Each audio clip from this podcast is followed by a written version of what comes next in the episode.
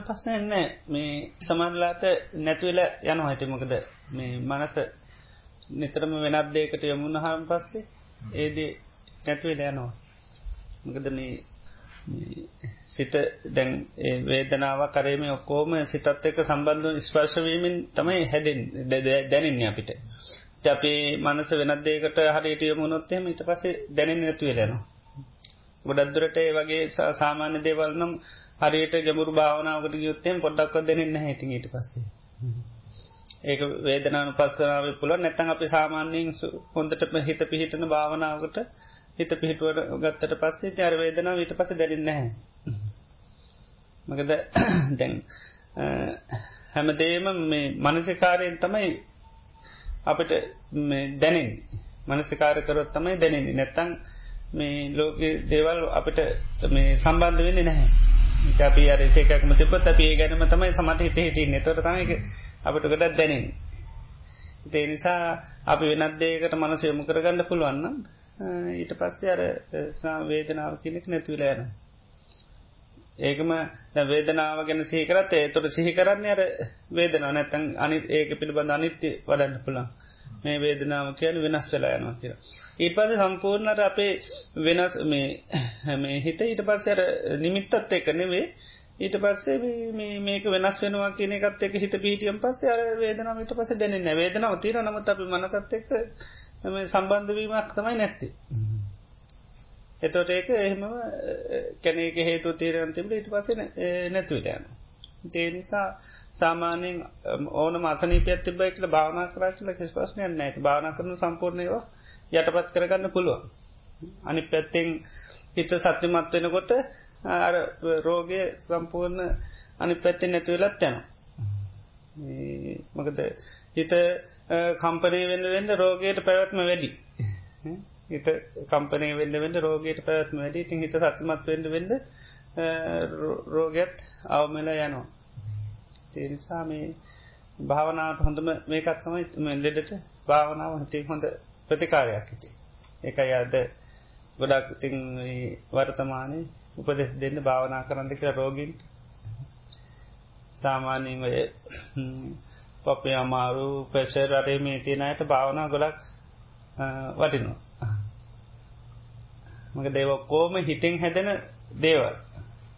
ප්‍රධාන රෝගේ මූලේ තම හිත හිත මුල් කරගෙන තමයි කයට ඒ දේවල් හැදිලතිී. තේරිසා හිත සංසින්දෙන්ට සංසින්දන සංසිදය නරවා සම්පූර්ණ නැතිවල යන. සමරලාට බෙහෙක් ජනගේ ප මොහර කරද රුණාත කර දොත්තල් ලහන ද පෙසට ලිනකර දන්න මොක්කර පස්සනයක් කියලා කියල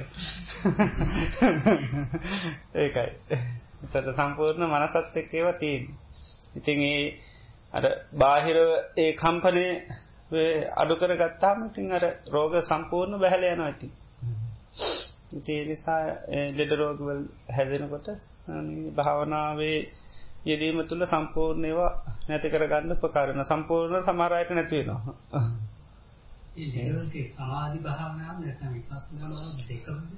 දෙකම පුළුවන්. ඒක අද ප්‍රශ්නයක් නැහැ මකද අර හිත ඒකත් එක්ක තියෙන ගරුදනු කඩන්න යොන් ඒකයි. පසනත් එක්ක තියෙන ගණදරු කැටුවම් පස්සේ හරියන ඒකට සමජ පසනා දෙකම කරන්න පුළුවන්. විපසනා භාවනා කිරීමෙන් ගොඩක් හිත සත්‍යමත් වෙනවා. සත්‍යමත් වෙන අරකෙති මනස සංසුන් වෙනවත සමත භාවනාව. විපසනාවෙන් හොඳ හයියක් වෙනවා විපසනා කරන්නකන්න හිතට හොඳ හයියක් වෙනවා තේතකොටත් ඕන දෙයක් දරා ගැනීම හැකියාව විට පස්සේ පිහිටෙනවා තේරිත සමත පසනා දෙකම එහම ප්‍රශ්නයක් නැහැ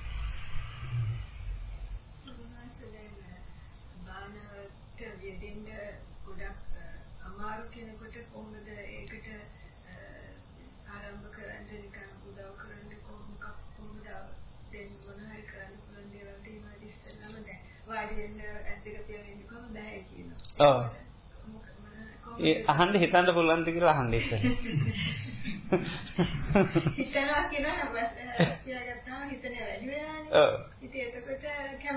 ඔව. ඉතින් අරගෙන යහපත හිතන්ඩ කියන්න. ඈ?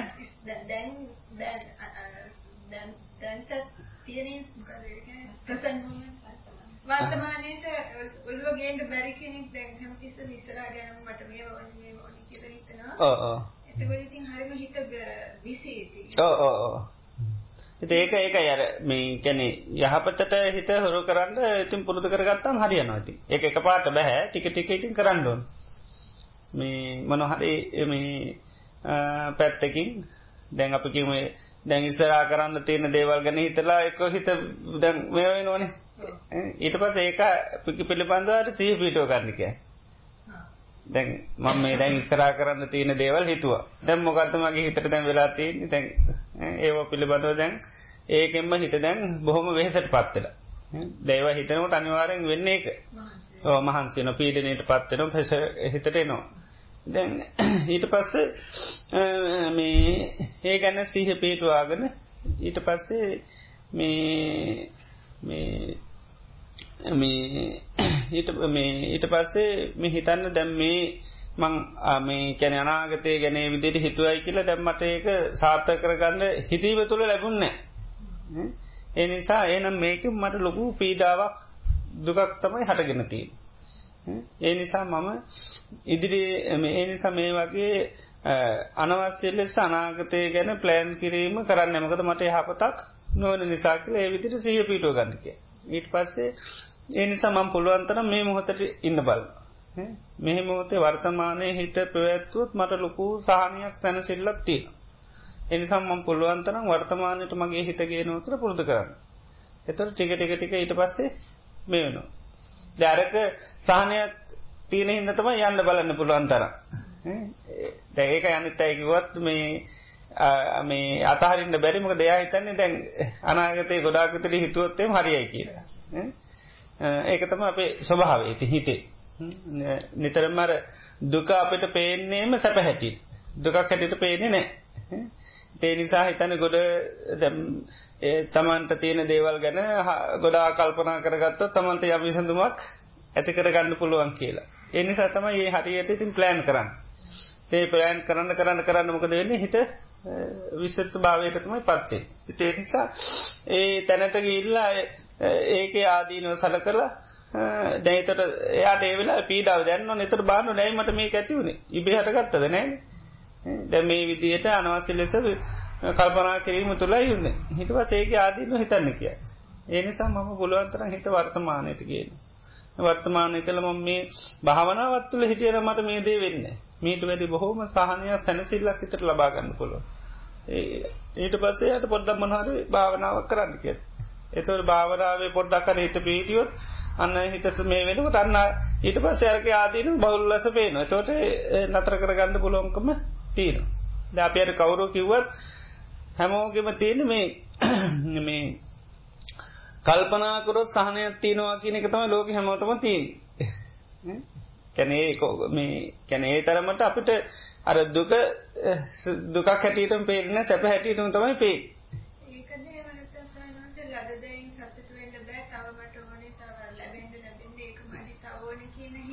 ඒ ඔක්කොම තියෙන ඇතුළි ඒකත් ඒකන. ඉතින් ලබාගන්ඩ හිතුවත් ලබාගන්න පුළුවන් කියලා හිතන්නේද ඕ ඒකයි. තේ ඔක්කොම තියන්නේ ඒකයි.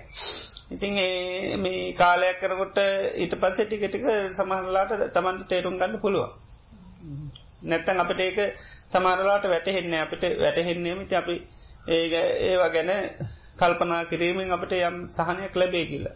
ක්‍රියාවෙන් ප්‍රතිඵලයක් අනාගතය ලැබෙනවරෙන් අපි හිතීම තුළින් ලැබෙන්නේ මොනවා කල්පනා කරත් ඒ කල්පනා ලැබෙන්න අපි යමක් ක්‍රියාවට නැංගොත් ඒ දේ ලැබේ එච්චරයි.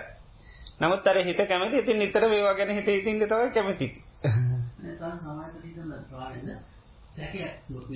ඕ ඕ මට මේ රස්තරම තියෙන්නේ. ඕ මේක ඉන්නකල් කම් කරන්න වැඩි බොල උදෙත් වැඩ කරන රැත් කරන දවල්තර ඔය සැකේ නේද ස්වාමීන් විචිකිච්ඡාවේ ප්‍රශ්න දෙක.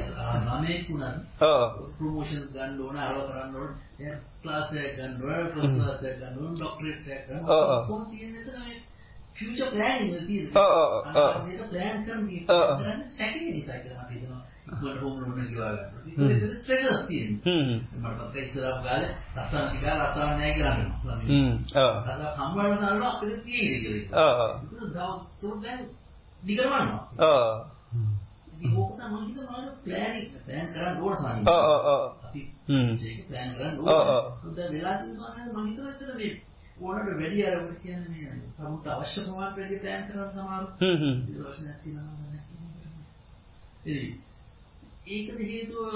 හේතුව මෙම ඒවා තමයි. නමුත් මේ කර තියන්නේ කැනෙ අපේ සිතින්ම හැමදේම කරගන්න පුළන් මේක තම අප දකින්නේ. ඒක ඒ ගැන දැන් හිතීමෙන් තමයි සහනයක් ලැබෙන කියලතම ඒව ගැන හිතන්න.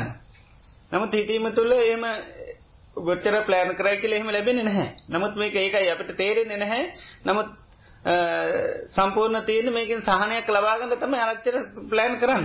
ප්ලෑන් ඕ ඕ අවුරුදු 50 විතර ප්ලෑන් කරනවා. ඔව් ඔව්. ඔව්.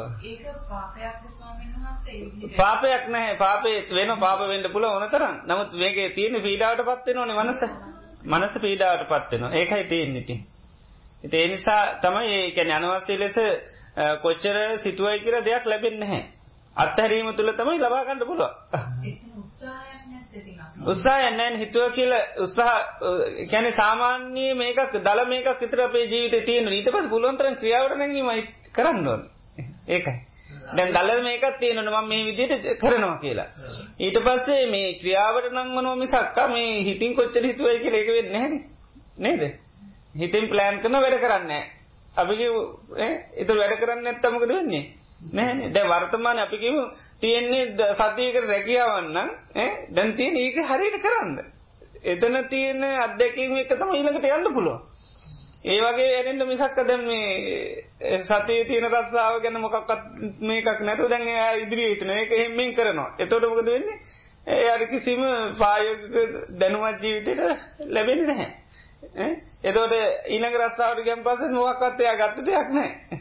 ඉතින් ඒ විදිහේ යනකොට අර අවුල් වෙනව මිසක් මේකක් නැහැ. දැන් අපිට සාමාන්‍යයෙන් සැලස්මක් ජීවිතේ තියෙන්න ඕනේ. නමුත් අපි දකින්න ඕන සීල දේ අපේ වර්තමානයේ හරි ක්‍රියාකාරීත්වයන් තුල තමයි තියෙන්නේ. මනස හොඳට තියාගෙන වැඩට හොඳට යෙදිලා කරොත් තමයි අපිට අනාගතේ යමක් අපි බලාපොරොත්තු වෙන දෙයක් ලබා ගන්න පුළුවන්. ඒකයි. මොකද මනසින් කොච්චර දේ නිර්මාණය කරත් අර ආස්මාලිකා කියලා කියන්නේ අහස මාලිකාවක් කරනවා වගේ වැඩක් ඉතින්. ඒක සැබෑ ලෙස කරන්න පුළුවන් එකක් නෙමෙයි. ඉතින් ඒ නිසා මේ සාමාන්‍යයෙන් දල වශයෙන් අපේ ජීවිතේ තියෙන්න ඕනි. මේ විදිහට වෙන්න ඕනි කියලා. නමුත් පුළුවන් තරම් අපි දකින්න මේක වෙන්නේ අපි වර්තමානයේ ඉඳලා කරන හැටියට. ඒකයි. දැන් අද හොඳ හිතක් තිබුණොත් තමයි අපිට හෙට ජීවිතේ හොඳ වෙන්නේ. ඒකයි.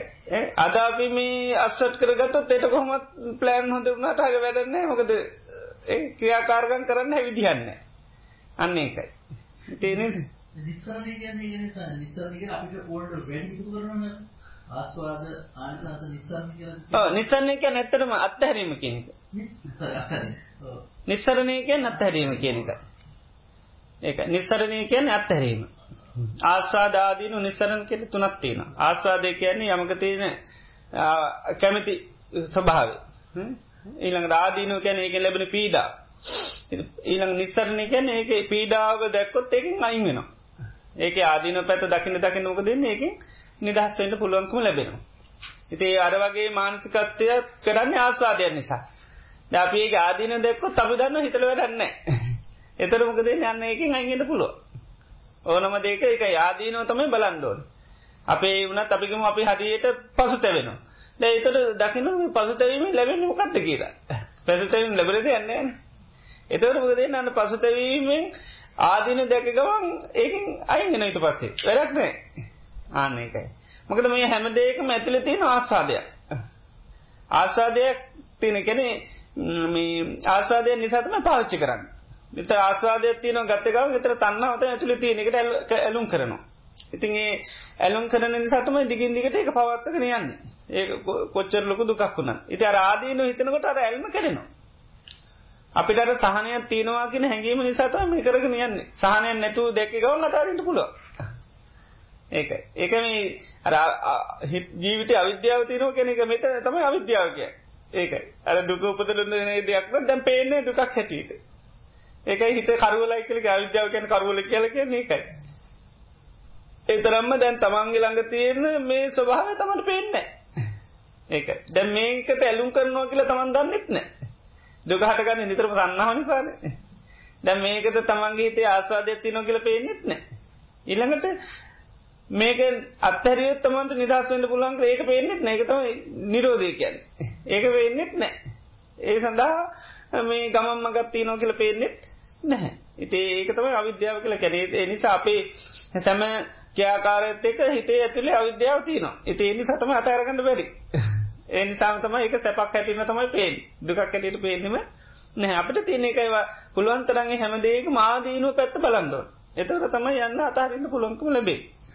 එසනට ඕකකින් කරන්දරම අපි දැන් ඒක කියනවා ඥාන දසකේ. ඔව්. පුළුවන්. ඔව්. මේ මේ දරුවා ගත්තාම.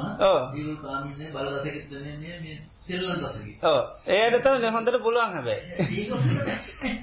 අපිට ඉස්සර කරලා නෑ ඒ බැරි වුන්නේ නෑනේ ඒ කාලේ ඒ පැත්තට යොමු වුන්නේ. තමයි කියන්නේ ඥාන දසකේ ආරේ නෑ. දැන් තමයි 60 වෙනකම් 50 වෙනකම් මේ ඉන්නේ අපි. ඔව්. ඔව්.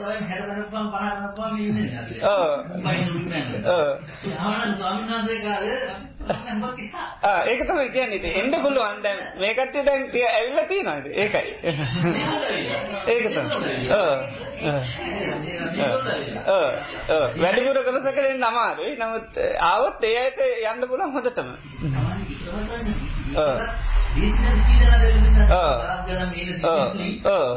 ඔව්. ඒක ස්වාමීන් වහන්සේ මට හිතෙන දෙමාපිය විදිහට අපිත් පුරුදු කරන්නේ නෑනේ. පොඩි කාලේ ඉඳන්ම අපි දුන්නත් පොඩ්ඩයි. අපි ලොකුවට ඒකට කැපකිරීමක්. එහෙමටම ඔව් ඒකද පැත්තකට ගියා විතක් ඔව්. සමබර කරේ නැහැ. ඔව් ඔව්. කුටියට පාඩුව මම හිතන්නේ අපේ අතිනුත් සිද්ධ වෙනවා. ඔව් ඒක પરම්පරාවටම එන එකක් ඉතින්. ඒක. මේක પરම්පරාවේ ටික ඇතුළේ ඒක මුළු ඔක්කොම බලලා අපි අපි චූටි කාලේ පාණිනාසල මාදි කිව්ල දාන්නේ. ඔව් ඔව්. අපේ අම්මලා දැස් මැරෙන්න නම් දාන්නේ. ඔව්. අරුවාන අපේ. ඔව් ඒක මගේ ඒක પરම්පරාවට එන්න ඕනේ කියලා කිව්වේ ඒක. දැන් අපි රාජනාථ ස්වාමීන් වහන්සේ ඉන්නවා.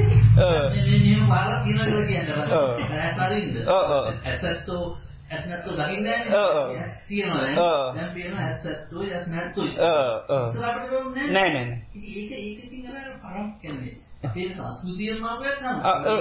ඔව්. ඔව් ඒකයි මං කිව්වේ මේක પરම්පරාවෙම එන්න ඕන එකක්. ඒක. ඒකයි. මම හිනාගේ සන්නස් මම අපේ අම්මට කිව්වා මේ මට භාවනා කරනවා කියලා. මම පිස්සුද බුදුහමඳ විතරයි භාවනා කරන්නේ. ඒක ඒගොල්ලෝ අර අපිට දැන් කවුද කියනවා මතු බුදු වෙන බුදුහාමුදුරුවෝ දැන්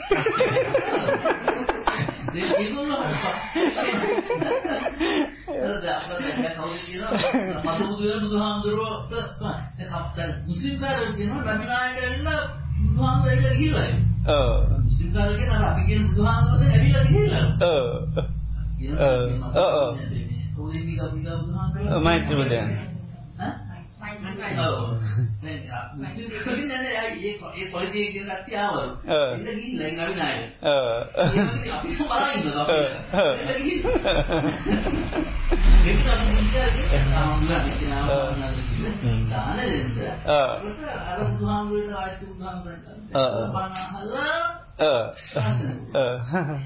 දැන් මුස්ලිම් කලින් නෑ ඒ ඒ පොලිටිය කියන කට්ටිය ආවලු. ඔව්. එන්න ගිහිල්ලා ඉන්න නබිනායක. ඔව්. අපි බලලා ඉන්නවා අපි. ඔව්. එන්න ගිහිල්ලා ඒක තමයි මුස්ලිම් ආමුලා කියනවා දාන දෙන්න. ඔව්. අර බුදුහාමුදුරනේ ආයත බුදුහාමුදුරනේ. ඔව්. බණහලා ඔව්. ඔව්. ඒ කාලේ තිබ්බ පොතු තිබ්බ අපිට ඒ වගේ තිබ්බේ නෑ දැන් රේණු චන්ද රේණුකායේ ශාන්තිගමල ස්වාමීන් වහන්සේ 1940 50 ගණන් ගානේ ලියපු පොත් අපි දැන් තමයි කියවන්නේ. ඒ දුන්නේ මේ ලංකාවේ පොඩි ළමයි.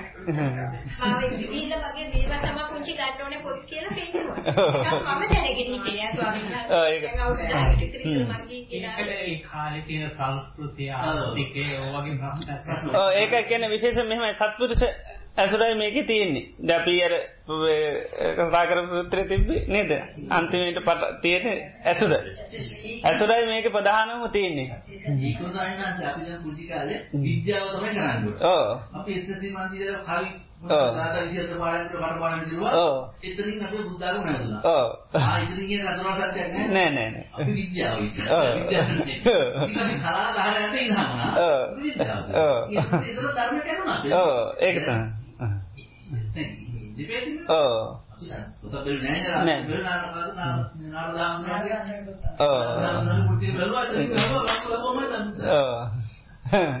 දැන් මේකද අපි ගත්තොත් දැන් අපි ඉපදිනකොටම අපිකම අපේ ගම රාතන් වන්සනම කිටියනම් නිකං හිතන්ද මේට ඩ වෙනස්වෙන් නැද්ද කියල. කෙන අපිතරන්නේ නම්මත අත්තත් වෙනස් වෙන හොඳටම. නේද? හොඳ ඇසරත් තිබ්බන ඇත්තටම මේට වැඩි ඔක්කොම වෙනස්. එතර පේනවන ඇසුරේ තියෙන ප්‍රශ්නය. ඒකයි. ඕ කල්්‍යයාන මිත්‍ර ප්‍රශ්නයක් තියෙන්නේ. මොකද මේ ධර්මය යම්යං ආකාරයට වැටහෙන පුද්ජලය අපට ඇසරු කරන්න කරන්න අපිටත් ඒ තත්තේ ලැබෙනවා. දැන් කෑම්බීම වනත් එහෙමනි. දැන් ලෝක දැන් කෑම්බීම් පිළිබඳ පර්යේෂණය කරන්න කරන්න කෑම්බී වැඩුවෙනවා නේද? අනි දේවලු තෙහෙමන නේද? කාම පැත්තේ එහෙමන. ද මීට ඉස්සට වැඩි දේවල් කොච්චර තිනවද ඒමකද ඒවා නේද? පුද්ජලය හොයලා දුන්න නිසානේ. නැත්තම අපට නැහැනේ. ඒවගේ තම දැන් ධර්ම පැත්ත එහෙමයි. දැන් ධර්මය තුවනට ඒ පිල්තෙන් ගවේශණය කරන අය පහළුනා මතම යර කෙලියට එන්නේ. ඒකයි. දැන් කෙනෙක් තමන්ට සසර බිය ඇතුනු තමයි අනිත් කෙනටත් බිය උපද නිදිට කතා කරන්න. තේෙනවා නැත්තං ඒක මේ වෙන්න නැහැ. ඉති ඒ නිසාර මේක ප්‍රධානවම ගැටලුව තමයි මේ කල්්‍යයාන මිත්‍ර ඇසුට නැති නිසා. බුදුරජාන් වන්සේ අර ආනන්ද සායනතර කියන්න මේ ශාසනය ආනද සායනස කියන මටලං තියක් තේරනව භාගතුන් වන්ද මේකනම් භාගයක්ම කල්්‍යයාන මිත්‍ර ඇසුර නිසා කියලා. නෑනෑ ආනන්ද භාගයන ඔක්කොම තියන ඇසුර නිසා කිව එතනම් පේනවා නති එතට අපිට දැම් මේ දේ වුණේ ඇතරම කල්්‍යයාන මිත්‍ර ඇසුර නැති නිසා. හැබැයි එත්තරා ප්‍රමාණයකට ලැබුණ. එතරා ප්‍රමාණයකට අපි පොඩි මේකක් ලැබුණා ඡායාමාත්‍රයක් වගේ ළමයි. ඒ නිසා තමයි නැත්තම් වෙන දෘෂ්ටියකට ගිහිල්ලාද? නේද? වෙන මතවලට ගිහිල්ලා නමුත් අපේ ආගම පිළිබඳ විශ්වාසයක් පොඩ්ඩක් හරි පවත්වාගෙන නෑ මේකයි අපිට ධර්ම එළියට එනකොට අපිට එළියට එන්න ලැබුණේ. හැබැයි වෙන මතයක හිටියනම් එහෙම දරුණු ඒත් එළියට එන්න බෑ. ඒකයි. ඒ නිසා අපි අර මේ යම් බැඳීම සාසනෙත් එක්ක තිබුණේ ඉඳ තමයි ධර්ම එළියට දානකොට අපිට තනට ටොට් ගාලා සැරුණා. ඒකයි. හිතේ නිසා මේ මේක ප්‍රධානම ගැටලු ඇත්තරමති නැසුර වෙන එකක් නෙවේ ඒකයි. දැම මේ අපිට ඒක මංකවේ දැන් උපදිනකොටම රාතන් වහන්සේලා ඉන්න සමාජයක අපි ඉපදුනන ඇත්තරම අපිට මීට වැඩි ලොකු ගමන අපි ගිහිල්ල ඒකයි. ඉතින් එම නැත්තන් මේකක් නැද? අපි වනත් එම දැම පොඩිකාරම පිරිියනක සමාට පැවිදුන මං අද මේ තත්ව හමට නෑ.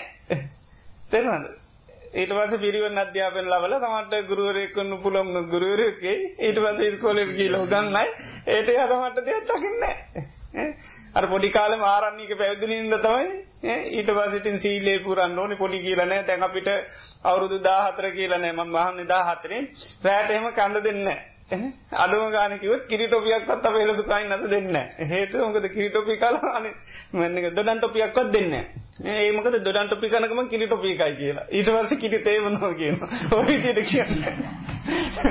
ඉති ඒවිදි තන්න ඒක ඇසුර කියන්නේ. දැන් සාමාන්‍ය හිතුවත්තේ මහ පොඩියට හොඳ නෑ ඇග හැදෙන් ඕනි කන්න දෙන්න ඕන් නේද?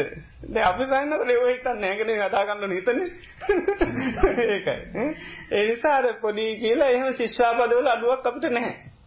ඉති නිසා ඒ පොඩි කාලින්දලම මේ ගෙදරින් ආපු පලවනි දවස විතරයි ගී කාලම කෑම ගත්තේ. ඊනඟ දවස ඉඳලා සිල් සිල් ගත්තා. එතට ගී කාලේ මං ගෙදරත් ගීල ගීකාර මේ රෑට කන්න තිීදල තියෙනවා. එතුර අවුද්ධා හතරයි. ඉති මොකද හැර ඒ තරමට හික්මුවන එති ඇසුර නිසා තමයිකුණේ නැ අපි දන්න නමොක්කොත් මං ඇත්තගත කතා කරත්තේම සංසාරයෙන් එතරෙන මානුනම් මොකක්වත් දන්න සංසාරයක් දන්නෙත් නෑ එම සාමාන්‍යෙන් ආසාාවට මේ මහනු නෙච්චර ඒට හැදයක් මුකුත්ම දන්නේ සංසාරය වියකුරු තත්වයක් දන්නෙත්න අයපදිනවද කියලා දන්නෙත්න ඉපදිල හිටියද කියලා දන්නෙත්න මොකුත්ම ස්වභාවයක් දන්නෙම නෑ අට ඇසිරෙන් තම යොක්කොම ලැබුණේ. කල්්‍යයාන මිත්‍ර ඇසරින් හොඳ සීලේහික්මුව ඊට පස තමයි ඔන්න ඊට පස අපේ ප්‍රධාන අධ්‍යාපනය බාහිරිව මුකුත් නෑ ධර්මය පමණයි. පාලිව ගන්නනවා ධර්මය ගන්න ච්චර ඊට පස්සේ අර මේ බාහිර ලෝක අධ්‍යාපනය අපිට නෑ ඊට පස්ස තමයි අප ඒවයිගෙනකොට නොන්න පොත්පත් කියනකොට ධර්මය කියනකොට තමයි ඔන්න ටික ටික ටික ටික ඇස් පැතුනි ඊට පස්සේ තමයි ඒ කාලනකට ඔන්න සයින්නසල එක එක්ෙන ඉතින් මේ ධර්මය මේ ජීවිත අවබෝධ කරගන්න පුලන් කියන කතාවා ඉතින් අපිත් බලන්නකොට ඔන්න ටික ටික වැටවුණ ඊට පස්ස ටිකට පුද්දු කරනකට ඇත්තරම ධර්ම යම් වැටහීමකට මේ ජීවිත පත් කරගන්න කිය නංගන්න පුළුවන් ගතිය තියෙනවා. ඉති ආනේ විදිට තම ඇල්ලතින් ඒකයි. ඉතින් තනිකරම බලන්නකොට බා නැසුර නැතියන්නේ ඒක නැත්තම් වෙනම්මාගකට හැරුණනං එහෙම සමාප්ත මේ මේ තත්ත නෑ. හැබැයි ඒකට කර පෙර ජීවිතේ වාසනාගුණ තියනයි ඉක්මනට ඉතින් එනවා. ඒකයි. ඉතිනිසාර මේ සම්පූර්ණ මේක ඇසුරේ තියෙන මේක ඒකයි. කල්්‍යයාන මිත්‍ර ඇසුරෙන්ම තියෙන එක සමල්ලාට මීට වැඩිය සමල්ලාට ලොකු මේකත්තින යන්න ජනතාවට. ඇයි ධර්මය දැන් අත කතා කරනන එති ඒ අයට සමල්ලාට ඉක්මනින්ම මේ ධර්මය කරා යන්න අවස්ථා ඉට සැකසෙනවා.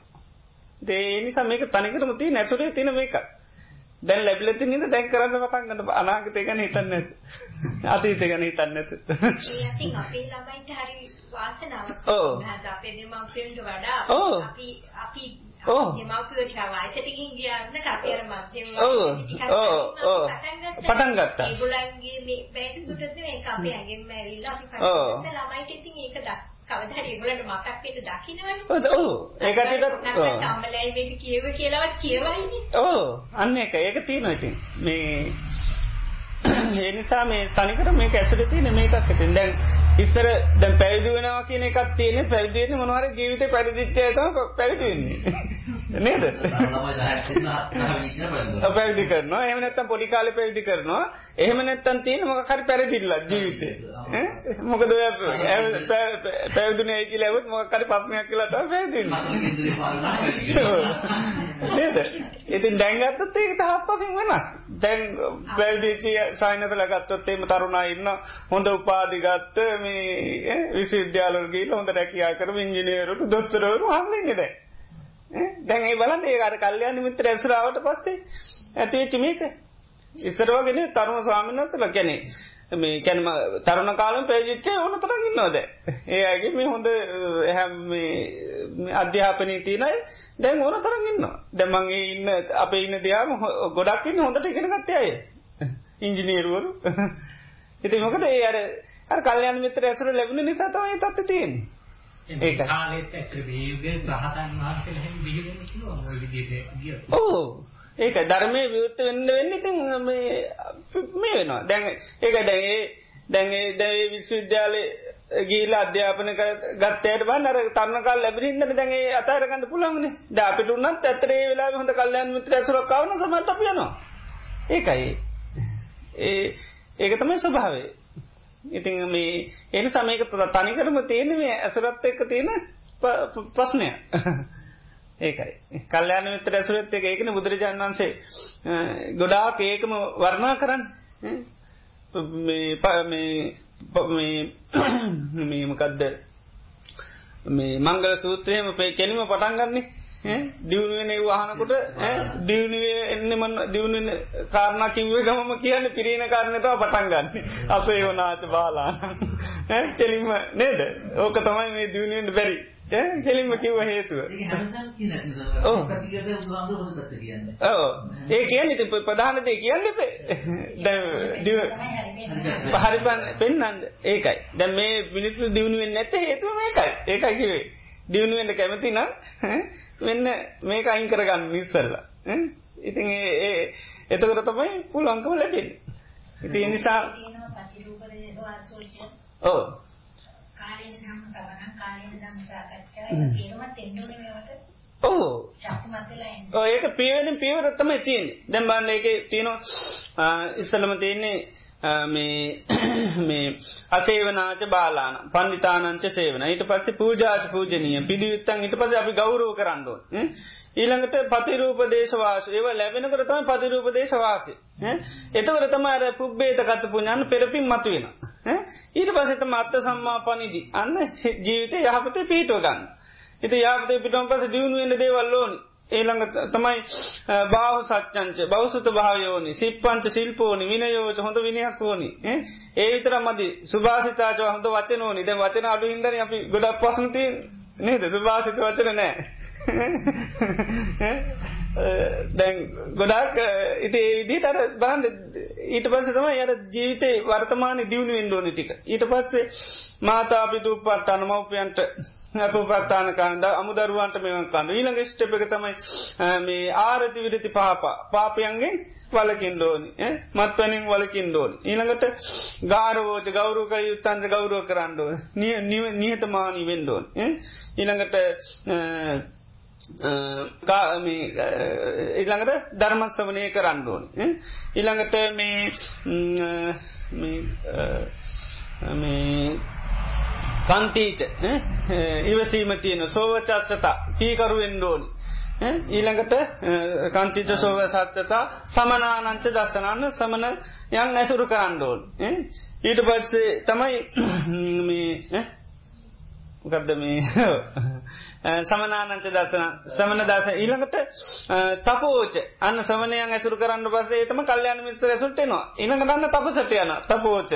බ්‍රහ්මචරියන්ට බ්‍රහ්මචරියාව හැසිරෙනවා. අන්න අරිය සච්චාන දස්සන ආරි සච්චි අවබෝධ කරගන්න ඊළඟට ඒක ප්‍රතිඵල තමයි පුට්ටස ලෝක දම්මේ යන්න ලෝක දලම විශ්වාස වෙනිනේ පුට්ටස් ලෝක දම්මේ චිත්තන් යස්සන කම්පති. අසෝකං සෝක නැති හිතක් ලබන විරජන් කෙලෙස් මල නැති.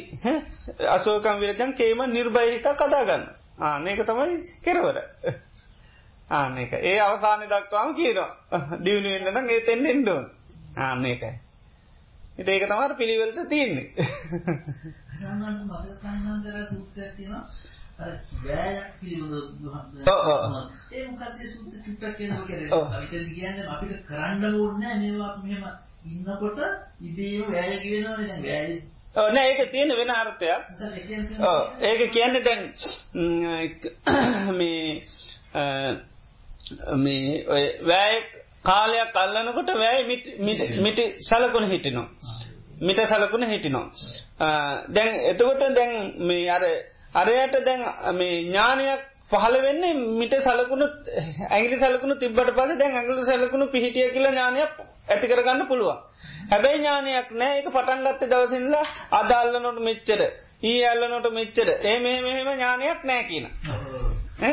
නමුත් සලකුණ හිටියට පස සලකුණ හිටිය කියලා ඥානයක් තියෙනවා. ඒවගේ තමයි මේ කෙලෙස් ප්‍රහාණය. අපි දැන් කෙලෙස් ප්‍රාණය කරන යනකොට දැන් අපිට අමතු ඥානයක් නෑ මේට සතියකරෙස්ස කෙලෙස් තිබුණ සීයක් ඊට පස අනුවට බැස්ස.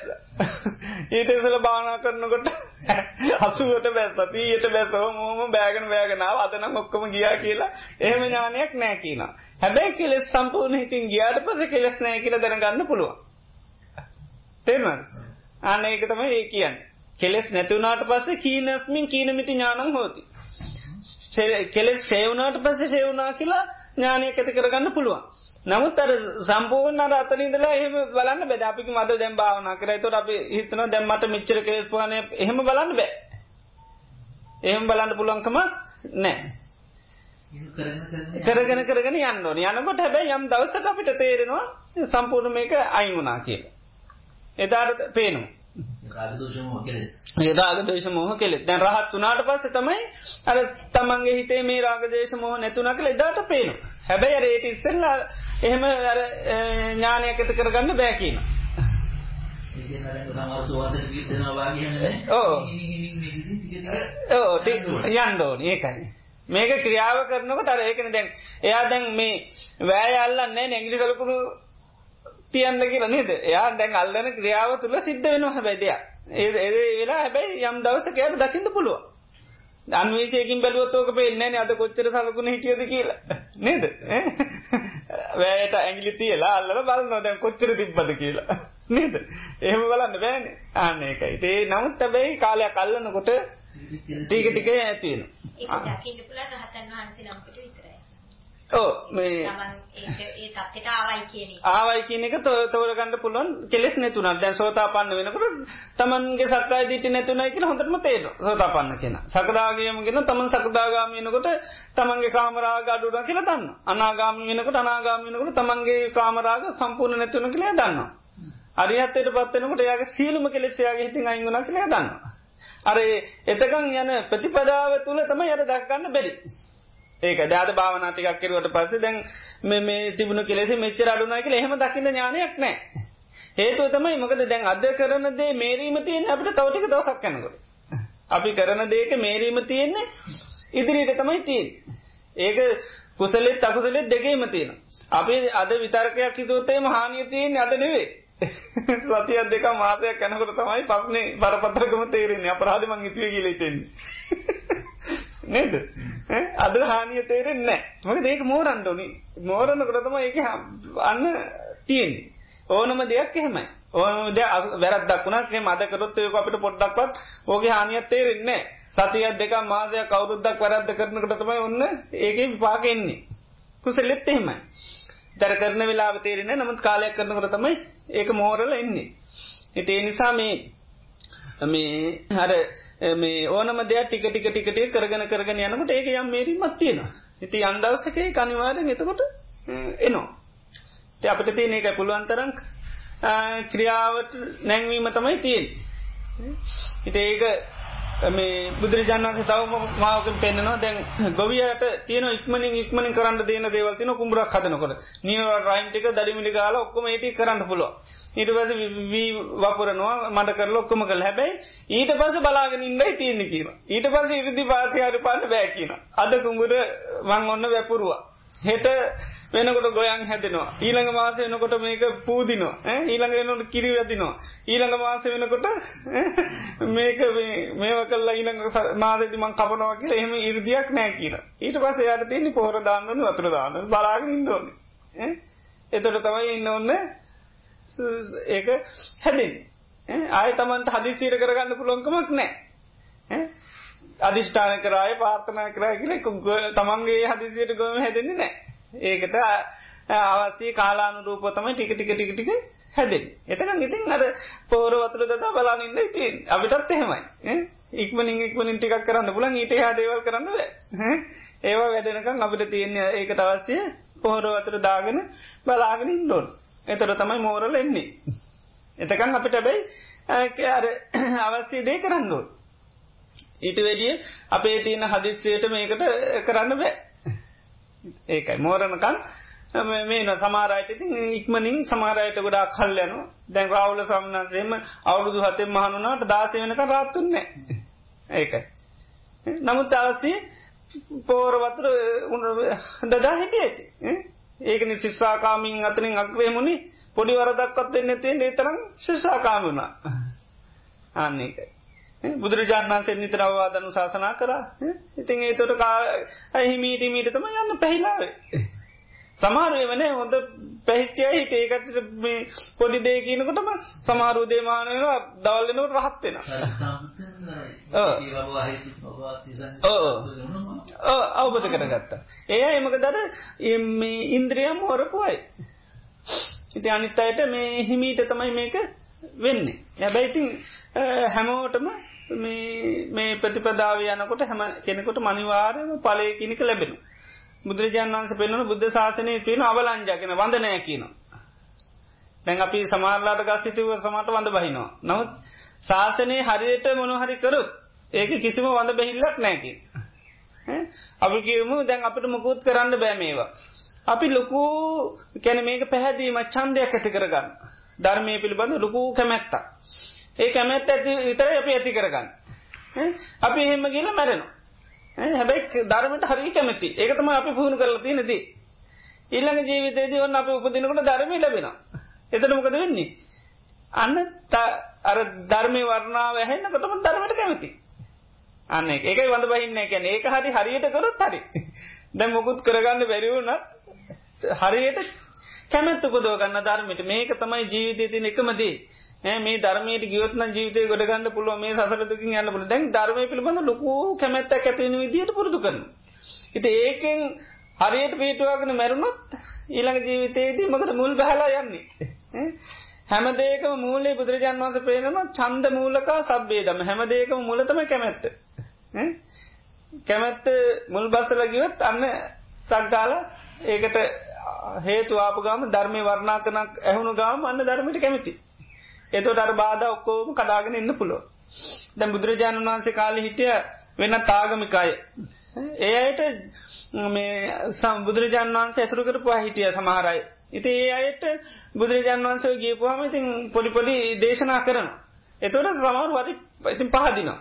ඒ පැහදිලකින භාගතුන මත් කැමති මේක කරන්න. එතර දන්න භාගතුන් අතර මෙයට ඕක කරන්න බෑ දැැකිවට මොක දින්න මතකොටක ඉන්න කෙනෙ ඉතින් බුදුරජාන් වන්සකින ඔයාට දැම් මේ පැහ ඇතිවුණු පැහැදීම විතර නැති කර ගන්න පයි කියන ඒක තමයි දෙන භාවනාව. දැම් මේ ඇතිවුණු කැමැත්ත විතර කයින් කරගන්න පයිකින ඕක දිගට පවත්තන්න කියන ඕක ඔයාට බොහෝ කාලයක් හිත සුව පිණිස පවත්තිනවා කියන ඉති ඒවගේ අය මේ පස්සේ අපේ කතාවල තින ලංකාව ප්‍රධාන රාතන් වන්සල වෙලා තින එකට ඒ ඇවිල්ල ඉට පස ලංකා ප්‍රධාන රාතන් වන්සල වෙනවා. ඇයිමක උපදිනකොට ධර්මයට කැමැත්තෙන් උපදින එතට ධර්ම ලැබෙනකොට මන්න ධර්මයට?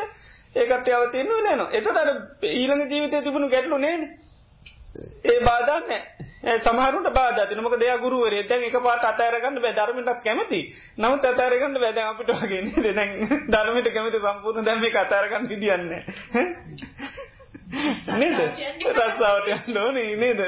මේ නායක වන්නෝ නිව මා පත්න ගොඩන්නේ නේද? මේක දැන් කොච්චරාබෝදුනත් එක පාට දැන් ඇතෑරගන්න අමාරුයි. ඉතින් එත නමුත් අපි හරි බලගත්තු චන්දයක් දැම් පුරදු කරනවා මේ ධර්මයට.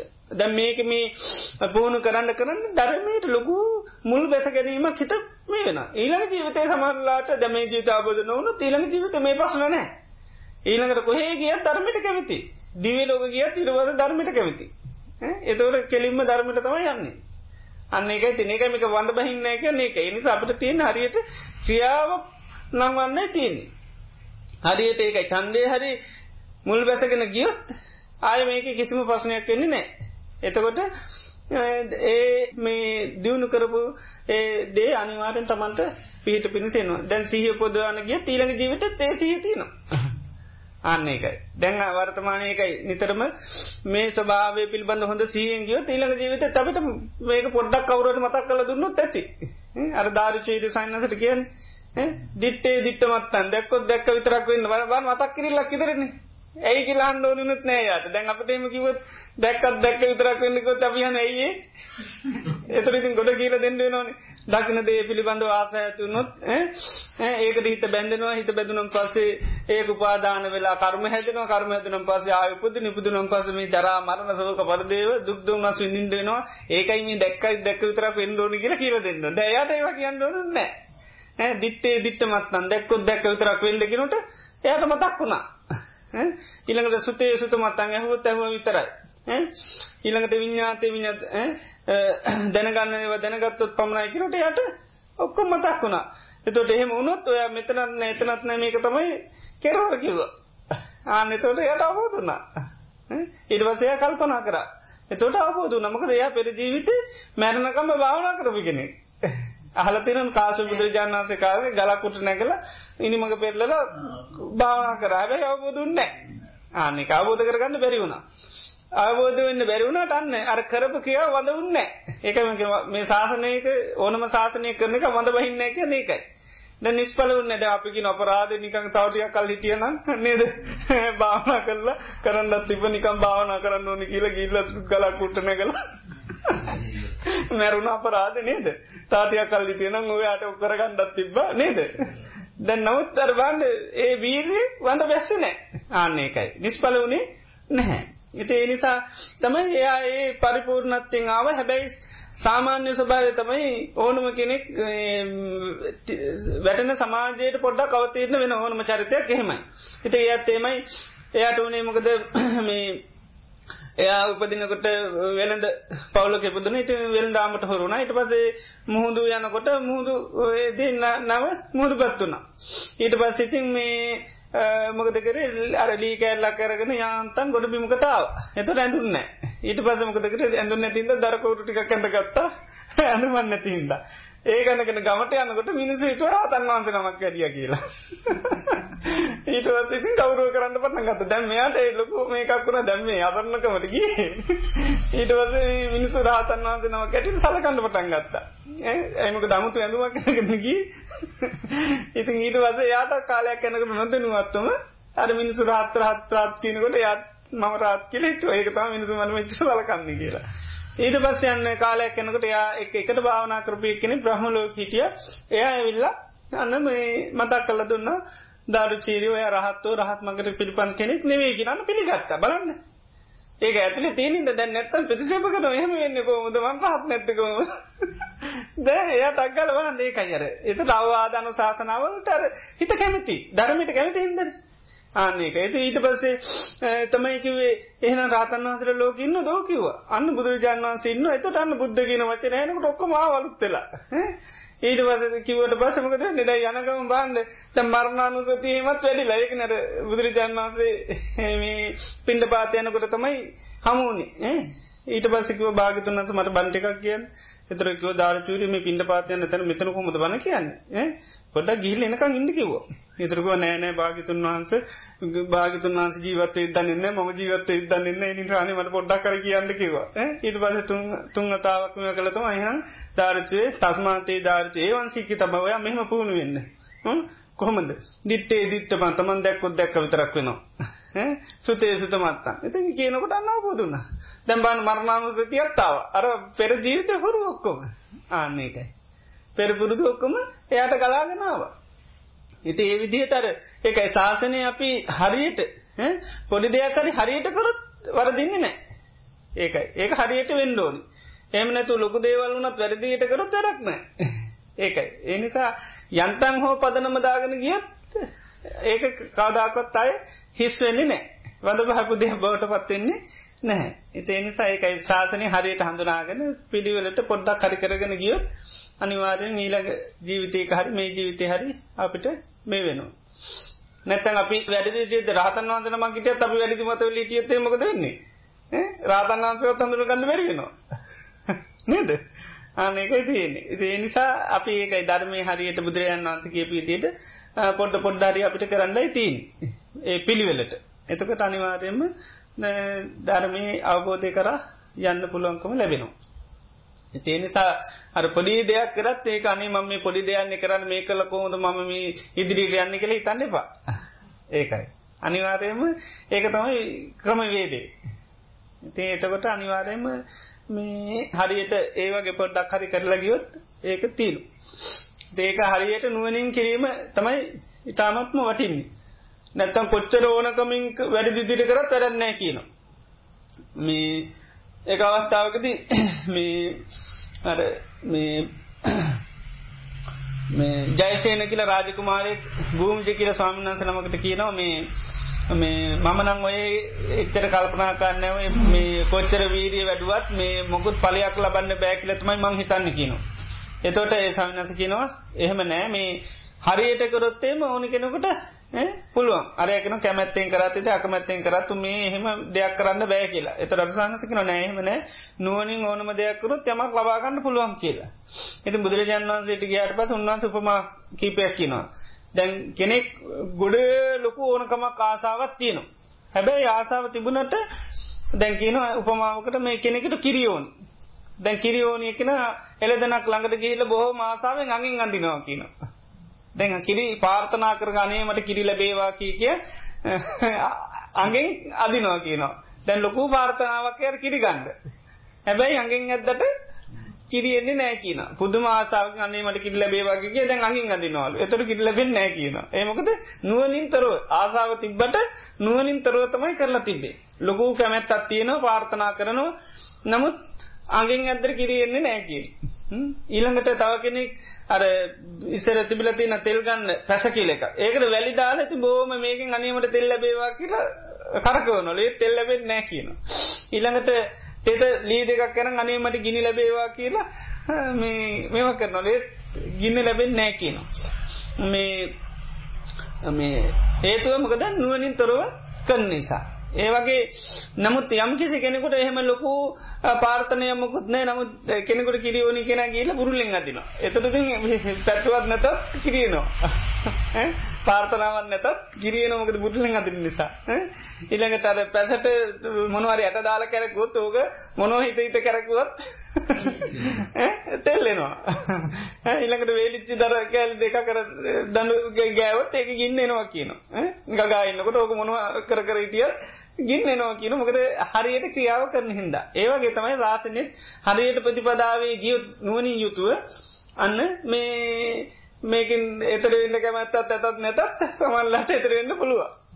වැරදිදියට ධනිපනිකාගෙන කොච්චර කරත් වැරදිනම සමල්ලාට ප්‍රති පැලල වෙන්නේ නැහැ.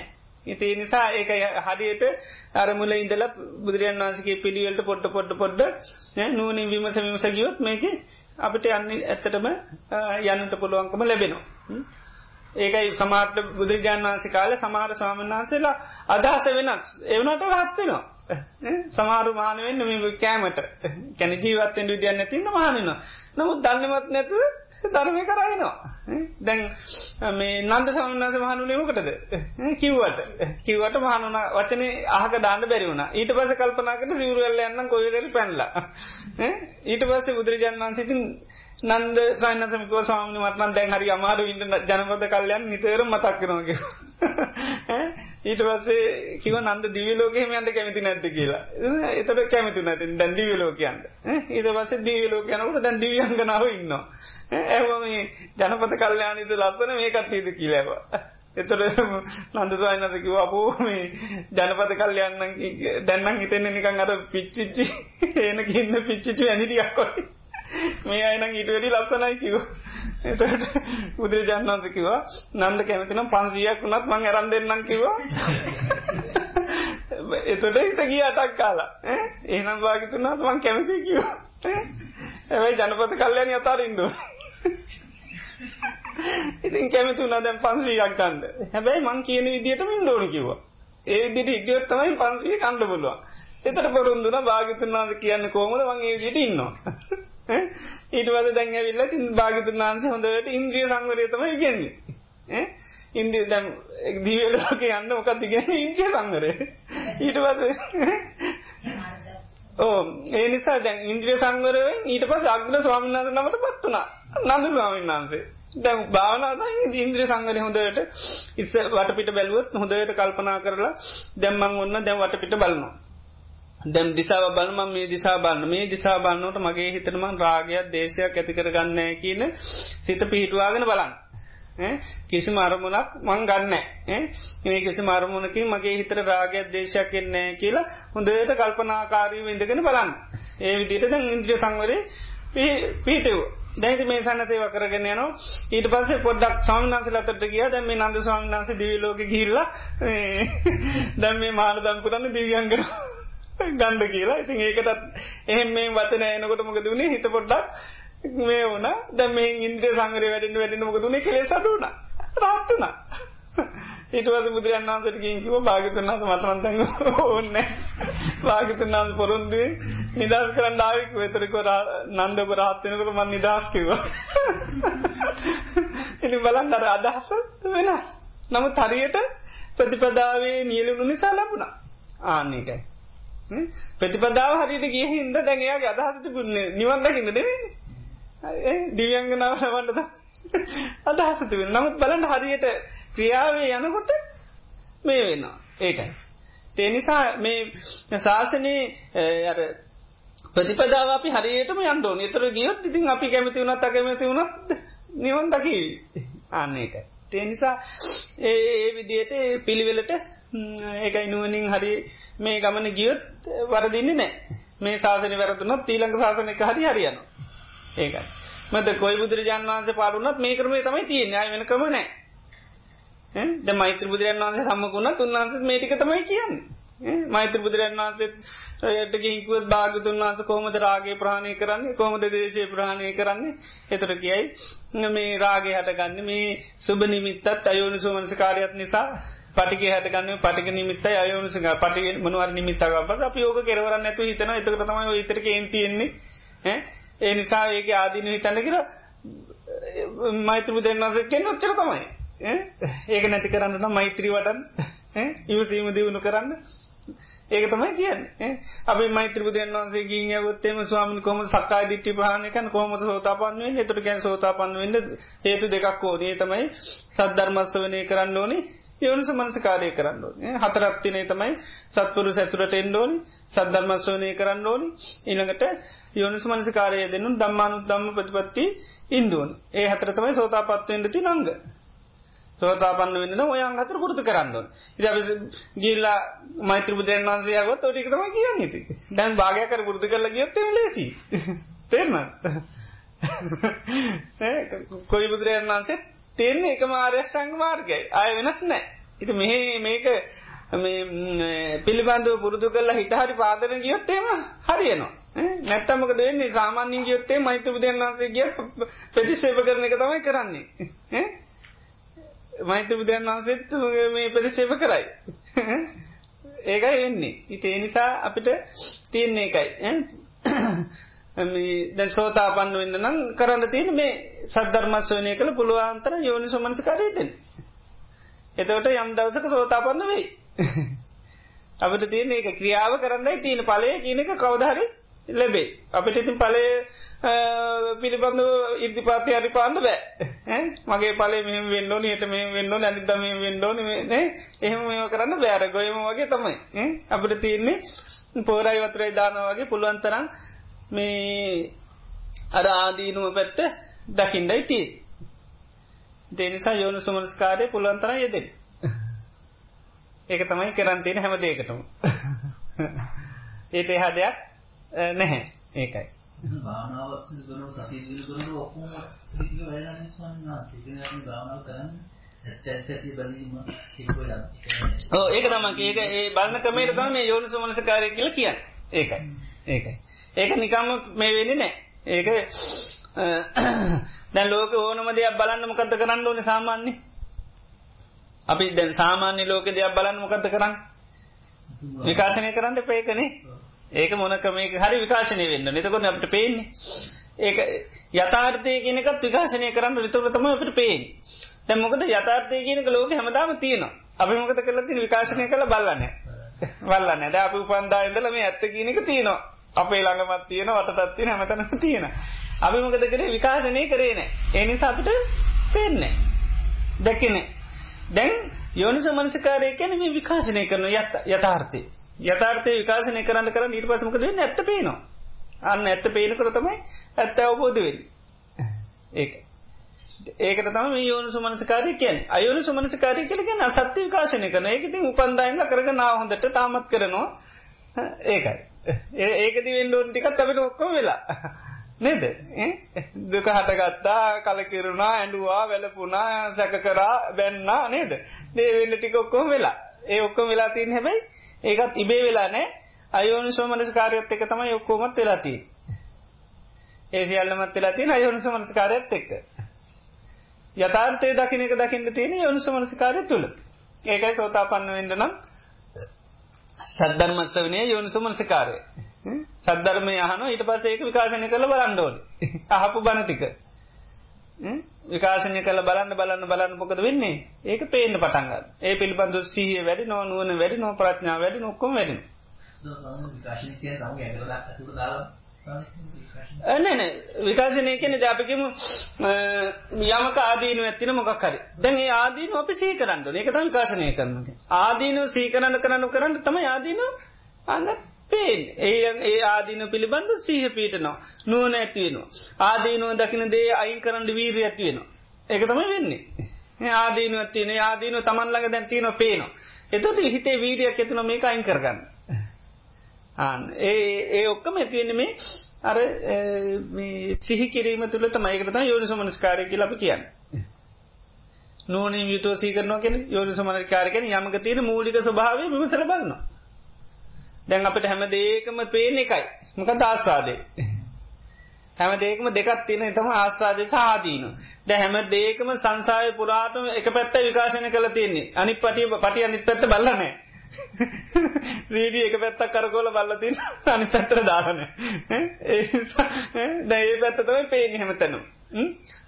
අනි පැත්ත බලන්න. ආන එතොටමක දෙන්නේ ආන එතෝට තමයි යන්න නිස්සරණයට පත්තේ ආදීන බලන්න බලන්න නිදහස්සෙන ඒ ඒගේ නිදස් වනාම තමයි කැන තදංග පරිනිබ්බුත. එකරුණින් නිවිච්චයකින් අපිකිමු දැන් සාමාන්‍යෙන් අපි දැන් අපිට හොරකන් කරන්න ආසාවත් තිබුණ කිමු අපි හරියට හොරකම ආදීනෝ හිතනවා. ආදීනෝ හිතන් හිතන් හිතන් හිතන් මොකද වෙන්නර හොරකමින් සහනයක් ලැබෙනවා කියන කැමතයිගෙනවා හිතේ.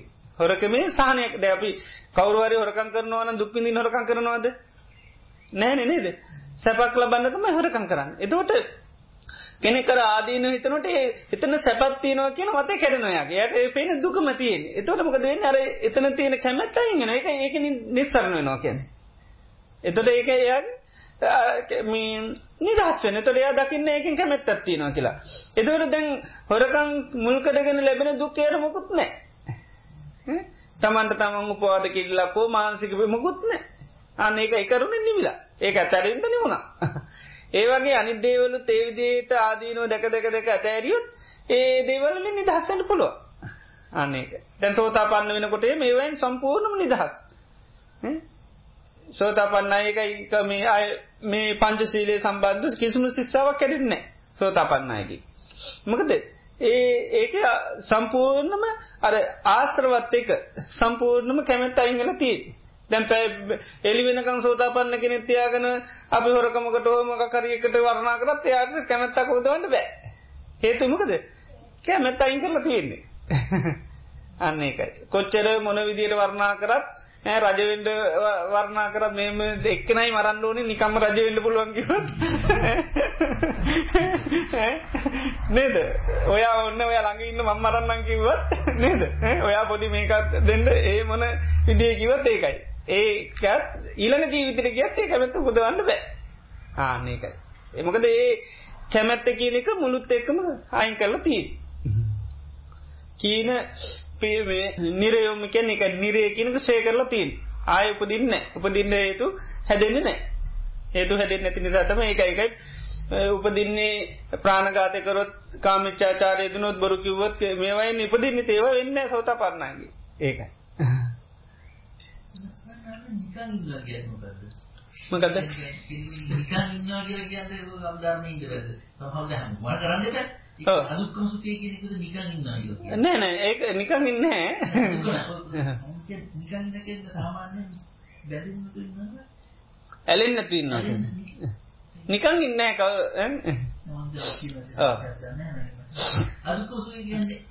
මධ්‍යස්ථ ස්වභාවයට. අදුක්කමස කියන්නේ සැපගතිය දැනෙන්නෙත් නෑ. දුක්ගතිය ලොකුවට දැනෙන්නෙත් නෑ. නොතේරිලයින්නවා ඒකරතම අදුක්කමසක කියෙන් වේදනාවේ තද බල සැපයක් දැනෙන්නෙත් නෑ. දුකත් දැනෙන්න නෑ. ඔහෙ ඉන්නවා කියන ගතීට තමයි තින් ඒක හොඳ එකන්නේ ඔහෙ ඉන්න එක. ඒක මෝහයට අයිති එක මෝහට අයිති එක අවිද්‍යාව තම එතන තියෙන්නේ. ධර්මය පිළිබඳවතින උපේක්ෂාව කියල එකක්. ඒ උපේක්ෂාව කියල කියන්නේ ඇලෙන්නෙත් නෑ දේකට ගැටෙන්නෙත් නැතුව ඒ දේ පිළිබඳව මධ්‍යස්තුව ඉන්න පුළුවන්. ඒක අතෑල්ල හිටින් ඉන්න පුළුවන්. එකට තමයි උපේක්ෂාවෙන් ඉන්නවා කියල ධර්මී කිය නෑ නෑ. අදුකමසක එක වෙන දයාට තියෙනදේ හොඳට සැප අපික හොඳ සද්‍යයක් වෙන්න පුළුවන්. හොඳ මිහිට ආස්වාද හොඳරම දැන්න සද්‍යයක් වෙන්න පුළුවන්. නමුත් එයට එතන ඉන්න පුළුවන් එක අතැලේ මොක ඒක වැඩ නැති නිසා. එය දන්න ඒ සද්‍යය ගැන වෙනස්සන එක ඒ නිසා තමයි ඒ පිළිබඳන්න ඕ දැන් කෑමක් කනකට හොඳටම රස දැනන්න පුළුවන්. නමුත් පේශාවෙන් ඉන්න පුළුවන්. වේදන නොදේ ඉනිවේ වේදන හොදටම දෙන්න දැ හොඳ සැප වේදනාව තියෙන තන නමුත් ඒක වෙනස්ස නින්ද අල්ලන්ඩ යන්න. ද රාතන් වන්සලක් තින් ඒ වගේ උපේක්ෂාව. ඒක හතර බ්‍රහ්ම විහරණ වල හතරවනියේ තකින එකෙත් ඒක තියෙනවා. ඒක මේ මේ අර සත්‍යම් පිළිබඳ මධ්‍යත්ත හිතත් පුරුදු කිරීම තමයි මේ ඕ එතන කියන්නේ.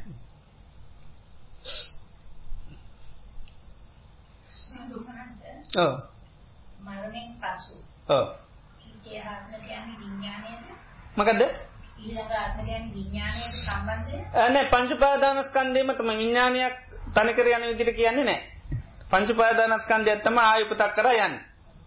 එතකොට අර මේ ආරම්භලගේ පොතේ කියනවා නැත්සෝ නැචාන්‍යෝ කියලා. මමත් නෙමෙයි මම නෙමෙයි නෙමෙයි. හ්ම් හ්ම් හ්ම්.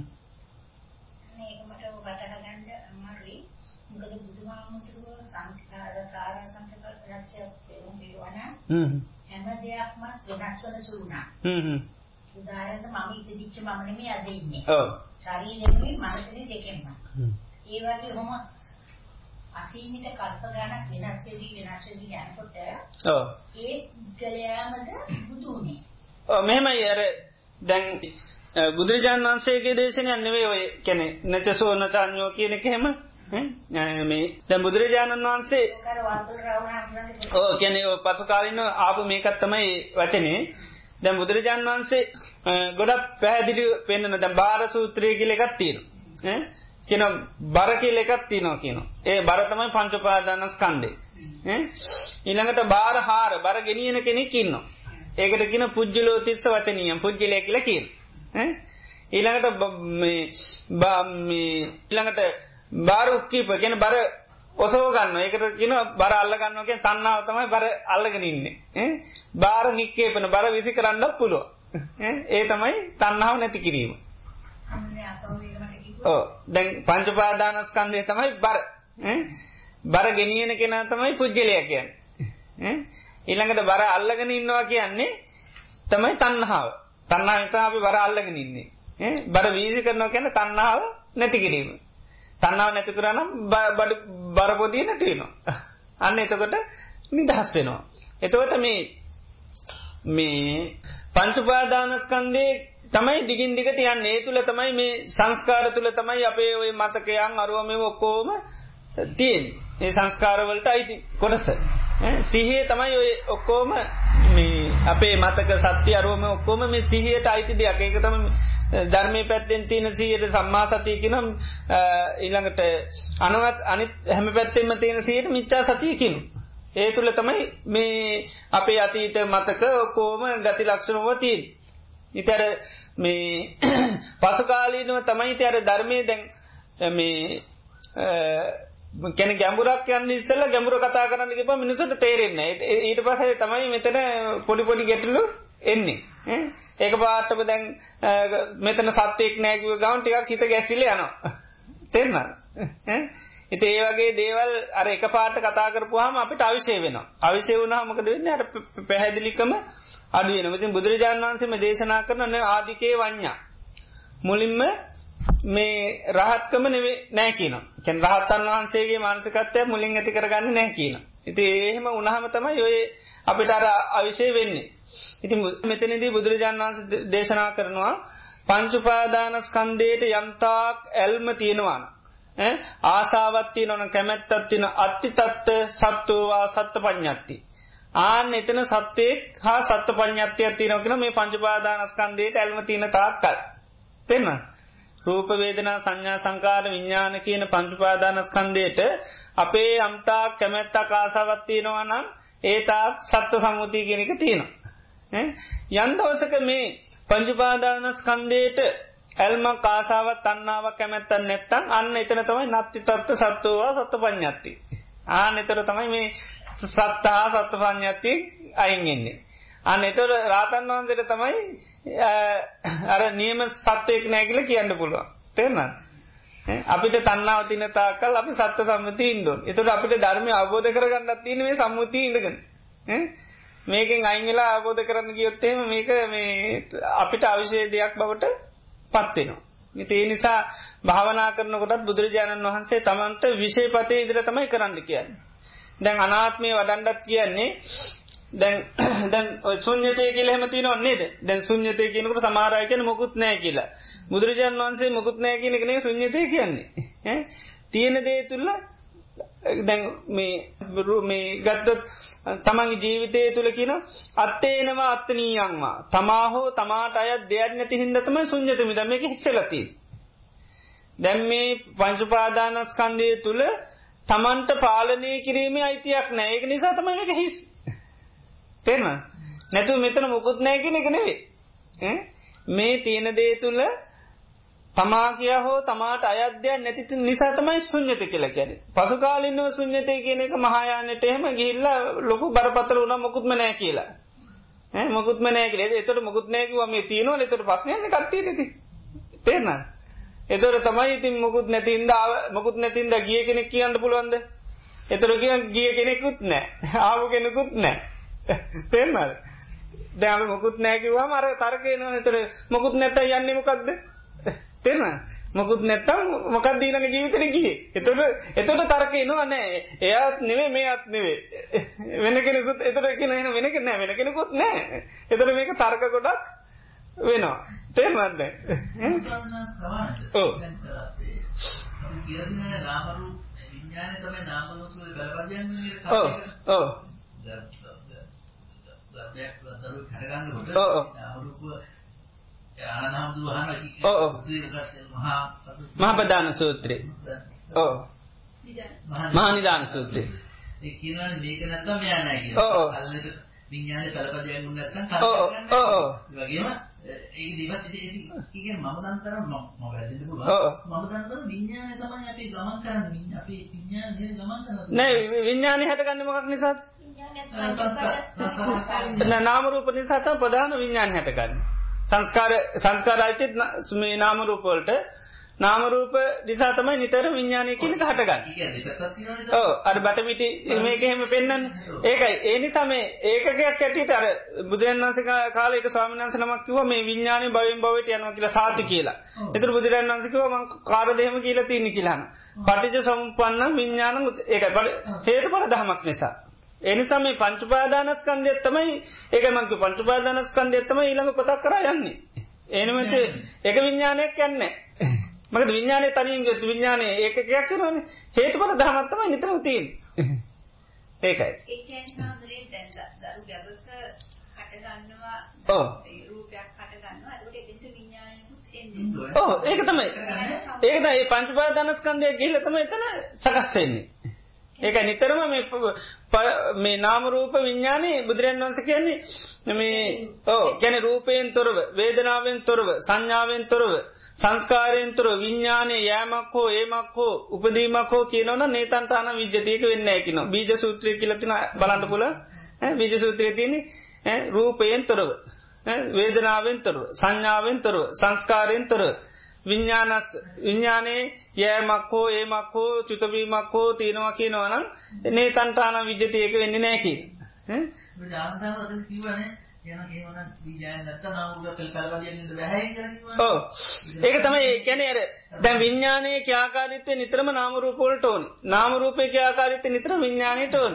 ඒක ඒක ඒ- ඒක මංකෙන් පංචපාදානස්කන්දයක් යනවා කියන්නේ ඒකයි තන විඤ්ඥාන විඤ්ඥාන කියනක පංචපාදානස්කන්දිකව විඤ්ඥානත් ඒක තියෙනවා. නාමරූ පරමව ඒටිකත් තියෙනවා. ඒක ගම්සාවනට අපි කියන්නේ ගම්සා වෙනවා. ඔව්. ගම්සා කියලා කියන්නේ අර විඥානය කියන්නේ. ඒ ඒ ඒ- කියන්න එතර ඒකන අට පංචපාදානස්කන්දය අයින්වන වෙන තැනකා ගෙල්ල උපදිනවා. ඒකයි. නිතරම ඒකයක් හැටින්නේ පංචපාදානස්කන්දයක් හැටිට තමයි කතා කරන්න. තෙරනන්න ඒකන දැන් සත්ව කියනට කෙලිම පංචුපාදානස්කන්දේ හැම දේම නිතර පංචුපාදානස්කන්දයක් හැටිට තමයි කතා කරන්න. බුදුරජාන් වන්ස ඒ නිසා අප එකක් හැටියට විඤ්ඥ එක විඤ්ඥානයක් යැන වෙනවා කියන්නේ නෑ. ඒකයි. එතකොට වහන්සේ ඕ එතට යාගේ පංචුපාදානස්කන්දය තමයි චුත වෙන්නේ. තොට ආයේ පංචුපාදානස්කන්දය කියලා උපදිනවා. දැන් දැන් බුදුන්ගේ කාලේ ඔය කල්පලක්ෂයක් යනකොට එකම පංචපාදානස්කන්ධ රටාවකද දෙන්නේ ඔය යන්නේ. ඒ ඒක තමයි යන්නේ. ඒකන අපි මේ දැම් මේ පුරුදු කරන ධර්ම සත්‍ය ඔක්කම තියෙන්නේ. ඒකයි. දැම් මේක තියෙන මොකද බොඩි මාරු වෙනවා එන්ජින්න එක එකයි. තියෙන්නේ. ඒක ඒකට තමයි තියෙන්නේ. තමයි ඔව්. කරලා. නෑ.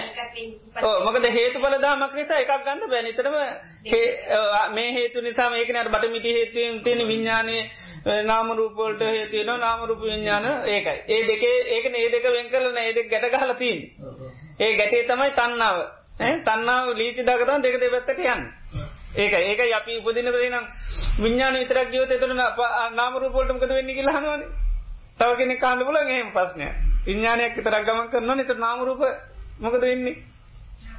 ඇයි දැම් මේ දෙක ගැටගාල තියෙනවනම් ඒකට හේත්තුවෙලා තියෙනවන මේ ආධාරයෙන් යනවන ආධාරකයක් නැත එකක් ගියොත්මකද වෙන්නේ?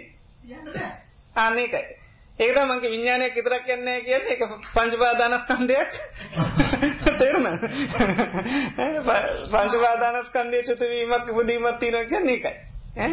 ඩෙන්ටිටි එක දහම් ස්වාමීන් වහන්සේ තියෙන එතකොට එකම හැදි ඒ කැන කැන එකම මේක තමයි යන්නේ.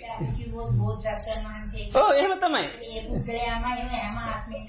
යන්නේ. යන්නේ ඒ වෙන එකක් නෑ ඒ නම් අර හැංගීම් මොකුත් තියෙන විදියක් නෑ නේද?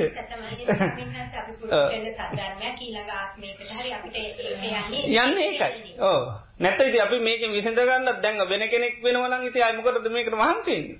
අපි අපිම විඳවන හින්දා තමයි මේ ප්‍රශ්නේ තියෙන්නේ අපි එනර්ජි එක යන්නේ.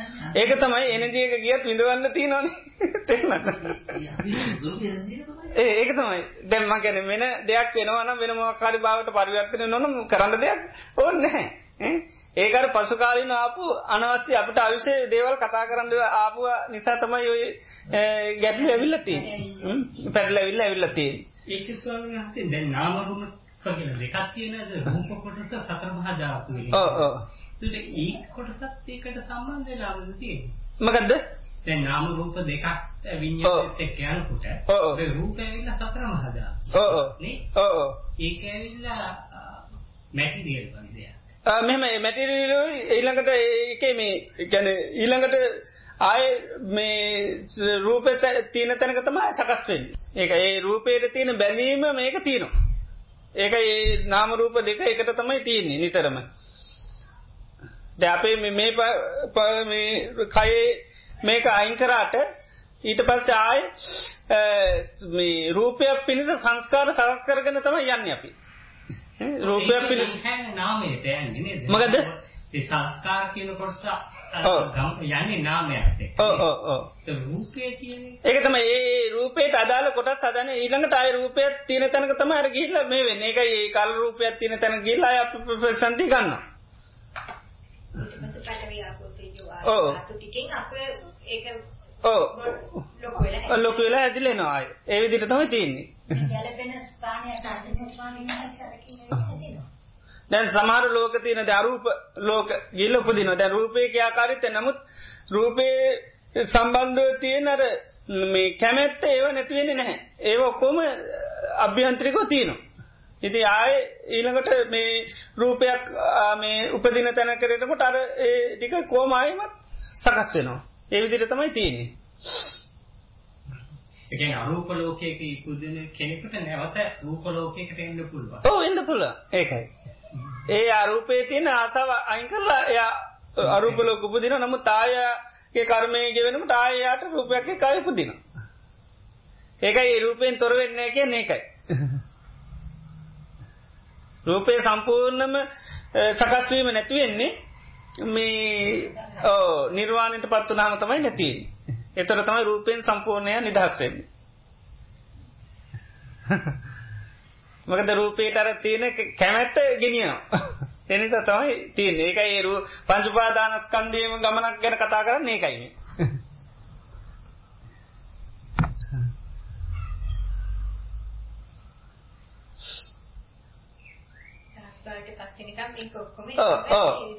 යම් යම් අවස්ථාවදී යම් යම් දේවල් යටපත් කරගන්න පුළුවන්. සමහර කාලවලදී මුකුත් නැතුව ඉඳක් පුළුවන්. ඒවට තමයි ඔය අසංඥ භාවනා කියලා කියන්නේ. අර සිත කය ඇති සිත මිත නැති බවලෝ කියලා එහෙම කියන්නේ නේද? කය විතර ඇති හිතක් නැහැ කියලා කියන්නේ. ඒ කියන්නේ අර මොකද සංඥා ඔක්කොම අක්‍රිය කරනවා. එතකොට මොකද වෙන්නේ? මොකුත් නැහැ වගේ ඉන්න පුළුවන්. ඊට නමුත් ඒකේ කර්මයේ තියෙනකන් විතරයි ඊට පස්සේ ආයත් ඇවිල්ලා උපදිනවා. ආයමත් ඇවිල්ලා උපදිනවා.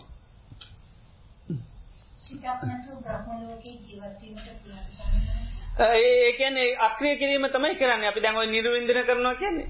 ඒ වගේ කියන්නේ අර මේ හිතට දැන් සමහර විටන මේ හිතන එක හරි ප්‍රශ්නයක් කියලා. ඒ හින්දා නොහිතා ඉන්න යාගේ හිත පුරුදු කරනවා. ඊට පස්සේ එයාට මොකුත් නොහිතා ඉන්න පුළුවන් විදිහට හිත අක්‍රිය වෙනවා. නමුත් මේ ඒක මේ ධ්‍යානයක් වුණාට පස්සේ ඒකේ අවශ්‍ය තියෙන තාකල් ඒ විදිහට ඉන්න ආයත් ඇවිල්ලා ඉතින් ආයත් අර තත්ත්වෙටපත් වෙනවා. ඒක තමයි අසඤ්ඤ භාවනා කියලා කියන්නේ. ස්වාමීන් වහන්සේ දැන් මැරෙන මොහොතේ සිහියෙන් මැරෙනවා නේද? දැන් මැරෙන්නේ දැන් මම දැන් තේරෙනවා මොකක් හරි එකක් හිට මැරෙනවා. ඔව්. සිහියෙන් මැරෙනවනේ ඒකට මොකක්ද අපි සාමාන්‍යයෙන් වඩන්නේ ඒක නිතරම මෙනෙහි කරන්න ඕනේ. අපි භාවනා කළා ටිකක් පුරුද්දක් තියෙනවා කොහොමද? දැන් බාන ක්‍රම කීපයකට පුලන් දැන් අපිකම දැන් මේක නිදහස්වෙන් ෝනි කැමත්තත් තියනවන ඉතින් පංචුපාදානස් කන්දේ ආදීනොම හිතන්න තින් ඊට පස්සේ සමාරලාට අතෑරකණඩ පුළොන්ගට පුළුවන් ඒත් විභව තන්නහක් කෙනවනේද බවතන්නහා දෙවෙනිතට විභා විප්‍රදීමක් නෑ විභව තන්නවා කියන එක තියෙන මෙහෙමයි. ලෝක දෘෂ්ටි දෙගත්තියන ශාස්ත්‍රත උච්චේදකට දෘෂ්ටි දෙගත්තින ශාස්ත්‍රත උච්චේදේ දෘෂ්ටි කියන්නේ තියෙනවා කියන මතේ කැන මේක මේ ආත්මයක් දිගින් දිගට යන මේකත් තියෙන එකට තමයි ශාස්ත්‍රත කියන තියෙනවා කියන උච්චේද කැන නෑ කියන එක. උච්චේද දෘෂ්ටිය කියන්නේ නෑ කියන එක. එතුර මේ විභහතන්නාව කියන මේ උච්චේද දෘෂ්ටියත් එක තියෙන මේක. එකන සමහරු දැන් උපදින්නෑ කියල. එතුර මොකද ඒකට කැමති. උපදින්නෑ කියලා දැන් ඒකට කැමතිල ඉතින් ඔහ ජීවත්වෙනවා. පෙන්න දැ උපදින්නෑ කියල. එතර පස්සනයක් නෑ. ඊට පස්සේ ඒකට කැමැත්තෙන් ඉතින් ඊට පස්සයා ඉතින් ඔය දේවල් කර කරන්න ඒත් ඉතින් මැන්නට පස්සේ ආය උපදින්න ආනක ඒකට තම මේ විබෝ තන්නාව කියලකැන් දැ අපේ නිර්වාණයට සමාරුව හිතන්න පුළන් දැම අය උපදින්නේ ඒකට ඒක තියෙන වෙන එහෙම නෙවේ ඒක අපි කරන්න හේතු. හේතු නිසා දුකන හේතු නැති කරන. ඒකයි. දෙපැත්තම දැනගන්නඩුව දෙපැත්තම දෙපැත්තම ඉඳල ඕ අවබෝධ කරන්න බෑන්. ඒකයි. ඕ පාද ඒකයි. අන්ත දෙකට යන්නතු ඒක ලෝකෙ තියන්න අන්ත දෙකයිකෙන ඇත නැත දෙකම වැරදි. එක්ක නෑකින එක තියනෝක ලෝදකලුත් ලෝක තියෙන්. පුදුරයන්නද කියන තියනෝ කියන්න යන්නෙන්න නෑ කියන්න යන්නෙත් නෑ. තිබ්බත් කමන්න නැතත් කමන්න මෙන්න හේතු බලනවා. හේතු බලදා ඒකයි. තියනවා කියන වතේට යන්නෙත් නෑ නෑ කියන වතේට යන්නෙත් නෑ. නැතන් ලෝකේ දොයන් නිසිතන් කෝ කච්චායන ලෝකෝ ඒබුය කච්චායන මේ ලෝකේ දෙකක් ඇසුරු කරන්න නිතරම. අත්ති තංච නත්ති තංච ඇත නැත. ඕක තමයි ලෝකයාගේ ඇසුර කියනවා ඒක තියෙනවා කියන කොටසක් කොටසක් නෑ කියනවා. ඒ නිසා උබෝ අන්තේ අංකගම් මේ දෙකකම නොපමින අවිද්‍යාපච්චයා සංකාර මේ විදියට මේ හේතුඵල දහම ඒක මෙන්න මේ දේ තියෙනින්ද මේක වෙනවා මේක වෙනින්ද මේ වෙනවා මේ වෙන හින්ද මේ විදිහට ජරා මරණ ශෝක පරිදේ දේ දුක්දුම්න වෙනවා. මේක නැති කරොත් මේක නැති වෙන ඒ විදිහට අන්න නේ නිරෝධය පෙන්වනවා අපිට තියෙන එකයි. දැන් අපිට තියෙන මේ මෙතන කවුරුත් ඉන්නවද නැද්ද ප්‍රශ්නේ නෙවෙයි දැන් විඳවන ප්‍රශ්නේ තියෙනවානේ. නේද? දැන් සෝක පරිදේව දුක්දුම්නස් උපායාස හට ගන්න එක තේරෙනවද නැද්ද? තේරෙනවානේ. නේද? ඈ? කායික මානසික දුක්ඛ පීඩාවල් එනවා තේරෙනවද නැද්ද? තේරෙනවා. ඊට පස්සේ යන්න අපිට තියෙන්නේ මෙතන ඉඳලා යන්න. ඇයි මට මේක හටගත්තේ. ඒකයි ශාවක වෙනවා කියන්නේ. ශාවක කියන්නේ අහගෙන කරන්න ඕනේ. තේරුණාද දැන් අපි ශාවක කියන්නේ දැන් අපිට තේරෙන්නේ මේක මුලක් දැන් ශාවක වෙනවා ඊට පස්සේ ශ්‍රාවකයෙක් තමයි බුදුරජාණන් වහන්සේ ශ්‍රාවකයෙක් කෙනෙක්. ඉතින් උන්වහන්සේ දැන් කියලා තියෙන මේක හේතුව. උන්වහන්සේත් බැලුවා. ඈ ඊට පස්සේ ඒ බලපු වාරේ අපිට බලන්න කිව්වා. ඈ ඊට පස්සේ ඔන්න දැන් අපි බලන ඇයි මේකට උනේ. ඇයි මට මේ විදිහේ ශෝක පරිදේව දුක් දුම්නස් හටගත්තේ? එතන අන්න ಜಾතිපච්චය ඉපදිච්ච නිසා. ඇයි ඉපදුනේ? ඈ භවපච්චය. භවයක් හැදුනා. මොකද්ද භවය හැදුනා කියන්නේ? නේ? විපාක පිනිස කර්ම සකස් වුණා. එනි සතම දැන් ඉපදිලින්නේ. ඊළඟට ඇයි භවයක් හැදුනේ. ඒ අනු උපාදාන පච්චා බව උපාදාන වුණ. කාමයට හිත බැඳිලගිය දෘෂ්ටි මතවාදවලට බැඳිලගිය මම ඒමාගේ මට අයිති කියන දේට බැල්ල ඒ නිසා ඒ බැඳීම බන්ධනයක්ත් එක තම අර භවය හැදුන්. ඊළඟට උපාදානය. යන තන්න ඇල්මත් තියනට තම අපි බැඳිලතියෙන් යමකට බැඳිලනම් අතන තියෙන කැමැත්තා ආසාවන් නිසා තමයි බැඳිලඉන්නේ. එතොට ඇයි මේ කැම ආසාාව හටගන්න. එතොටන්න වේදනාපට විනීමත් තියනින්ද තම එලෙන්නේ වේදනාවත්තින කැන විින්දන ගති ඇතින ඉන්නට මැලිලඉන්නේ. වේදනාපච්චය තන්නා. එතන විඳින්නේ ඇයියේ. පස්ස පච්චය වේදන අරමුණු එකතු වෙන තර තම මේ විඳීමක් කල එකත්තිී. අරමුණු එකතු වෙනවා. ඒ තමයි ඇහැයි රූපය සිතා යතුන තුර ඒ එකතු වෙන තැන වේදනාවත්තින. එතනට බැඳෙනවා අපි හිත. ඒ බැඳිචගන් උපාදාන වෙනවා. ඉනමස ඇයි මේ ස්පර්ශ වෙන්නේ. එතට අන ස්පර්ශ වන්න සලා එතන පච්චය ඇහැත්තිය ඉන්ද තමයි ස්පර්ශ වෙන්නේ.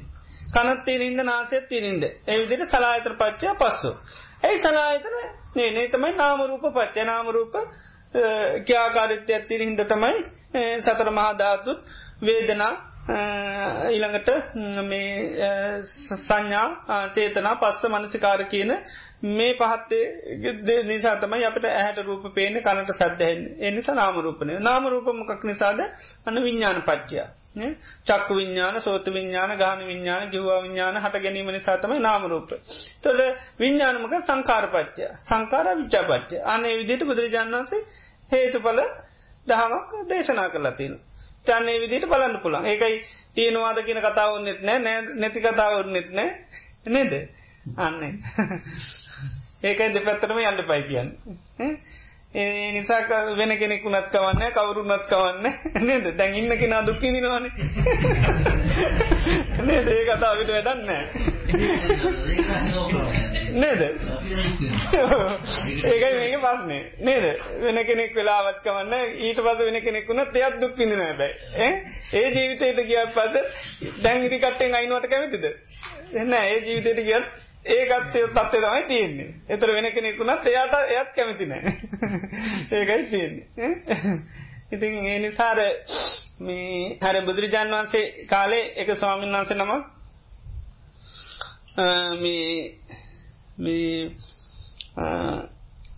මේ බුදුරජාන් වන්සේ කාල විසදන්න ඇති පසන ටිකත් තිබ්බ. පිනදන්න නැති පසටිකත්තිබ ඒවට උත්තර දෙන්න ගිහින් ඇවට කවුරුත් උත්තර දෙන්න කරවාගෙන ඉන්නවා.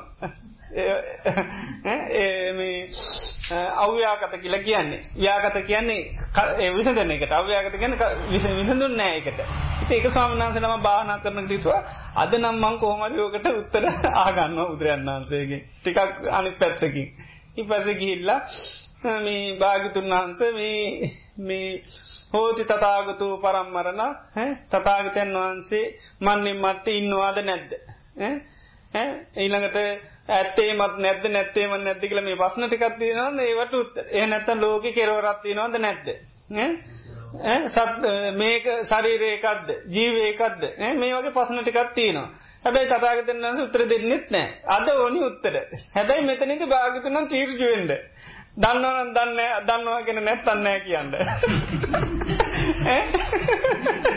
ඉවරන දන්න මම දන්න දන්නත්තන් දන්න එක දන්නවන දන්නවා කියන්න. ඇබැ කිව නැතර මන්සි උරුවෙල්ල නෝ කිවා එතර පුත්‍රජාන් වන්ස කිව්වා මේ මාලුන්ක පුත්ත නම මානක පොත් ඔබට මංකිවද මේ මං මේවට උත්තර දෙනවා මංලක මානවෙන්ඩ මම මේ ඔයා කිව්වද භාග්‍යතුන් වහන්සේ මම මහන්නනවා මේ ටිකට උත්තර දුන්නොත් ඒ මාත් එක පොරොන්දු වෙලා මානුනාද කියලාව නෑ කිව්වා. එහෙනම් ආයෙ දැමුත් නෑ කිව්වා. දැමුත් අපිත් එක්ක එහෙම එකක් නෑ කොයාට ඔන්න යන්න කියනවා. ඒකයි ඒ කිව්වේ ඉතින්. මම ඒකට උත්තර දෙන්නේ නෑ ඒතර බුදුරජාණන් වහන්සේ කිව්වා මාරුන්ක පුත්ත යම් කිසි පුජ්‍යලයකට ඊතලයකින් හොඳටම පහරක් වදිනවා. ඊතලයක් වදිනවා. විස සහිත ඊතලෙක් තොට ඥාතින් කරන ඉක්මනට මැර යනවා. වෙදෙක් ළඟට. දැම් මෙයා ඊතර පාරකාල හොඳටම දැම් මැරෙන්ඩ ඉන්නේ. මේ කෙනා වෙදාට කියනවා වෙදා ගලවන්න. හා ඊතලේ විතරක් ගලවන්න එපා.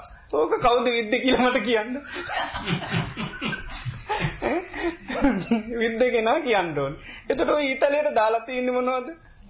ඔය ඊතලේ අදල තින යකට මොනවද? ඔය පිටිපස්ස ගහලතින පිහාටු මොනවද? ඔය ඔක්කොම කියන්නට විද්ද මිනිිය කළු මිනිියද සුදු මිනිියද්ද ඒ වගේ එයාගේ ස්භාවකන කොයි ගමේ කෙනාද විද්ද? ඔය ටික දැනනගෙන එකක්තල් ඊ තලේ නම් ගලවන්න දෙන්න කිව්ව. එතන මොකද වෙන්න කිලව ඒ වසන ටිකල පිළිතුරු ලැබෙනකම් ඊතලේ ගලවන්ට දෙන්නේ නෑකිව මොකද වෙන්නේ කියලා? ඉති ඉතලෙත් එක්කම මැරෙන ඒ වගේ තමයික ඔයාටත්. මේ පහනතිකට විසඳුන්ගෙනකොට ඔයාගේ තින හටගත්ත දුකත් එක්ක වැර වැරෙන්ඩ වෙනවා කියන එක. අන්නේ වගේ තම අපිටත් තියෙන මේක වෙන කෙනෙ දර කෙනෙද මේ කෙනෙ දොයන්න ගියොත්තේම තියෙන පස්සනෙත් එක මැරෙන්ඩ තමයි වෙන්නේ ඒ නිසා තම ඒ කියන්නේ. ඒකයි. ඒ නිසා දැන් පඩි සම්පාද බලන්නකට නිතරම කියන්න තමන් ඉන්න තැනින්ල බලන් ඒක තේරෙන ඕන කාටවත් මේක මේකන්න නේද හැමෝටම තියෙන පස්නින්ල ඒකයි නිතරම් පඩි සම්පාදය නෝනේ විමසනකොට මේ අනේක විද නානපකාරන් දුක්කන් ලෝක උපති ජරාමරණ ජරාමරණාදී නානාපකාරමය ලෝක දුක පවතින ඊළඟට බලන්ඩකින මේ දුකකින් නිදානකින් සමුදයන්කින් ජාතින්කුම කිස්මින් සති ජාති හෝති. කුමක් ඇති කල්ලිත මේ ජාතී තියෙන් මේ උප ජරාමරන තියන කුමන් නැති කල්ලිද තියනට අනේ විදිර තමන් ඉන්න තනින්ද බලන්න කියන දැන් තමන්ට තේරන නැත ආනකයි තේනිසාර මේ අපිට තියන්නේ ඉතින් අපේ තියන ප්‍රශ්න විසඳ ගන්න වැරෙන්ද? නේද? අනිත්තේවා අපිට අවශ්‍යය. කතා කරන්න ගියොත්තේ මේකයි බුදුරජාන් වන්සේ විසඳර ගන්න ඒකයි. ලෝක කෙරත් තියනවාද නැද්දව කතා කරේ නැත්තේ එක වැඩක් නැහැ. අන්න ඒකයි. බුදුරජාන් වන්සේ කාලින්ද ඒව තිබුණ ඇති මේ රහතන් වහන්සේලා තිදිතින් හාමුදුරුන්ට ඔය පසනත් තිබුණ ඇති ඒකයි. සමරු විඤ්ඥානය බයෙන් බවට යනවා කිව්වා. ඇතින් ඒ හැම කාලෙම ලෝකයේ ස්වභාවය ගති තියෙනයි ඉන්නවා. බුදුරන් වහන්සේත් ඒම ඉන්නකොට කිවනති අද දේවල් කියනෙ කමුතු දෙයන්න වේද නේද? බුදුරන් වහන්සේත් ඉන්නකට අමුතු බණ කිව්වනම් සමහරුගවා ඔය බුදුරජාන් වන්සේ කියපු ආදින මටමන් තේරෙන්න එච්චර. සා එක විසුන්නාසනවක් කියනවා. ඔය කියපු අන්තරායක ධර්මයිති ඒ මන්ත්‍රායක නෑ කියනවා. ඉති ඒ වගේ කට්ටි ඉඳල තිනම එක එක සේනාසනේ භාගිතුන් වහන්ස වැඩි ඉද්දිම ඒ වගේ අය ඉඳල තින ඒ ඔක්කොම අයෝනිසු මනස කාරය නිසා හටගත්ත දේවල් ප්‍රශ්න. ඉති එනිසා මේ මේ අපිට තියෙන්නේ අපිට තේරෙනවාන මේ කාට නැතත් දුක කියන එක නේද. ඊළඟට ඒක හටගන්න හේතුව දැන් අපට බුදු ජන්වන්ස කියලතින අපට හේතුව අයිංක නැති කරන්න පුළුවන්. නැති කරන ක්‍රමයක් කියල දිලතින අපට තියෙන ඒකම ඒදට අනු පිළියෙක් පුරන්න කටයුතු කරන්න ඒක අහන්ඩෝන දැ ආය උදේකිවන චතුරාර්ය සත්‍යදී දුක දුක ඇතිවට හේතුව නැති කරහතල ඒක අවබෝධ කරගන්න. ඔව්. අනිත් නැති කරන්නේ. ඔව්. අනිත් දෙක අකරි චුට්ටක් චුට්ටක් මේ පොඩ්ඩක් කියලා උඩ ඉලබරේට් කරනවා. ඔව්. ඔව්. කියනවා ප්‍රශ්නයක්. ඔව් නෑ නෑ කිසි ප්‍රශ්නයක් නෑ. ඔව් සාමාන්‍යයෙන්. චුට්ටක් මේ ඔව්. පුරු කරන මොනවද නැති කරන එකයි අවබෝධ ඔව්. ඔක්කොම ඉතල රගින්න. ඔව්, ඔව්. ඒකට ඔව්, ඔව්. ફોකස් කරගෙන ඔව්. ඉතල දැන් දුක්කම් පරිින්යයන් කියෙන කැන දුක පිළිසිඳ අවබෝධ කර ගණ්ඩුවන් එකන ඒක තියෙන ස්වරූපය තමයි දුකි හඳ අවබෝධ කර ගණ්ඩුවන් දුක්කම් පරිින්යයන් කියන්නේ ඒකයි දුකේ තියෙන ස්වභාව ඒකයි දුක තමයි පංචුපාදානස් කන්දේ රූප වේදනා සංඥා සංකාර විඤ්ඥාන සංකිච්චේන පංචුපාදානක් කන්දා දුක්කා හකුළුවා කෙටියෙන් කිරන මේ පංචුපාදානස් කන්දේ තමයි දුක. ඒක පරිින්්ඥයන් කෙන ඒක තින ස්වභාවය හතුන ගන්න කියනවා. එනි සතමයි අපි රූපය කියන වෙනස් වෙන එක. රූපයේ දුකා. රූපේ නැතිවලයන රූපය කියන පෙන ගුඩක් වගේ ඒක ස්වරූප බලන් ඒක හඳුන ගන්න එක ස්වරූපේ. වේදනා සංඥ සංකාරත් එහෙමයි. ඒකයි පනිින්්ඥයන් කියැන් ඒක අවබෝධ කරගන්න හෝනි. එතුර දුක කියන එක හේතුවක් නිසා හටගන්න එක. ඒ තමයි සමුදේ සමුදේ කැන තන්හාාව. එතොට දැන් එතොට මේ අර හේතුව තමයි අපි අයින් කරන්න දුක හටගන්න හේතු තන්හාාව. ඒ තන්නාව තමයි දුක්ක සමුදේකැන ඒක දුක්ක සමුදේකෙන් සමුදේකෙන් හටගන්න හේතු දුක හටගන්නේ හේතුව තමයි තන්හාාව. දුක හටගන්න හේතුවක් නිසේ තමයි මේ කැමැත්ත නිසා. අන්න කැමැත් අයින් කරගත්තත් දුකින් නිදස්සෙන්න්න පුළුවන්. තැබි රූපේට කැමැති මේ රූපේ පිළිබඳ ආසාවත්තියනවා. ද ආසා වනේ රූපය අවබෝධ කරගත්ත නැති නිසා. එනිසා තමයි දැන් අන්න රූපය පිළිබඳ විමස පරිින්්ඥය කියන එක ඒක සරූපය හඳුන කරන මොකද මේ රූපය කියන්නේ. ඇතුර මේ රූපය වෙනස් වෙන එකක්. මේ රූපය දිල්ල යනවා. ආනක මේ රූපේ පාලනය කිරීම අයිතියක් නෑ අනාත්මික නේකයි අනාත්ම තෝරන රූපංච හිදම් භික්කේ අත්තාව විසමානන මේ රූපය ආත්මයන් වූයේ නම්. ලබ්බේත රූපේ රූප ලබන්න පුළ ඒවම් මේ රූපන් හොද. මගේ රූපය මෙහෙම වෙන්න. ඒවම් මා රූපන් අවසරු මගේ රූපය මෙහෙම වෙන්න එපා. එදෝටන්න නැච ලබ්බති රූපේ එහෙම ලබන්න බෑකි නොකාට රූපේ? මෙහෙම වෙන්න මෙහෙම වෙන්ඩ පා කියලා. එනි සාතමයි රූපය අනාත්මයි කියලා කියන්න. අන්න එතුට අනාත්මයි කියලා කියන්න අපිට අයිතිත්වයක් නැහැ. එතට අයිති නැත්තම් මොකද වෙන්නේ? මෙතන ඉඳල වෙලා නෑ අයිති නැතිනකොට අන්න තන්නා වඩින. ආනක පරිින්ජී කියන්නේ එකයි පිටිසිඳ බලන්න කියන්නේ එකයි ස්වභාවී මුස බලන්න කියන. එතට අර මේක අනාත්ම දෙයක් වෙනකොට පාලනය කිරීම අයිතිය නැතිවෙනකොට මේක හරයක් නැතිවෙනවා.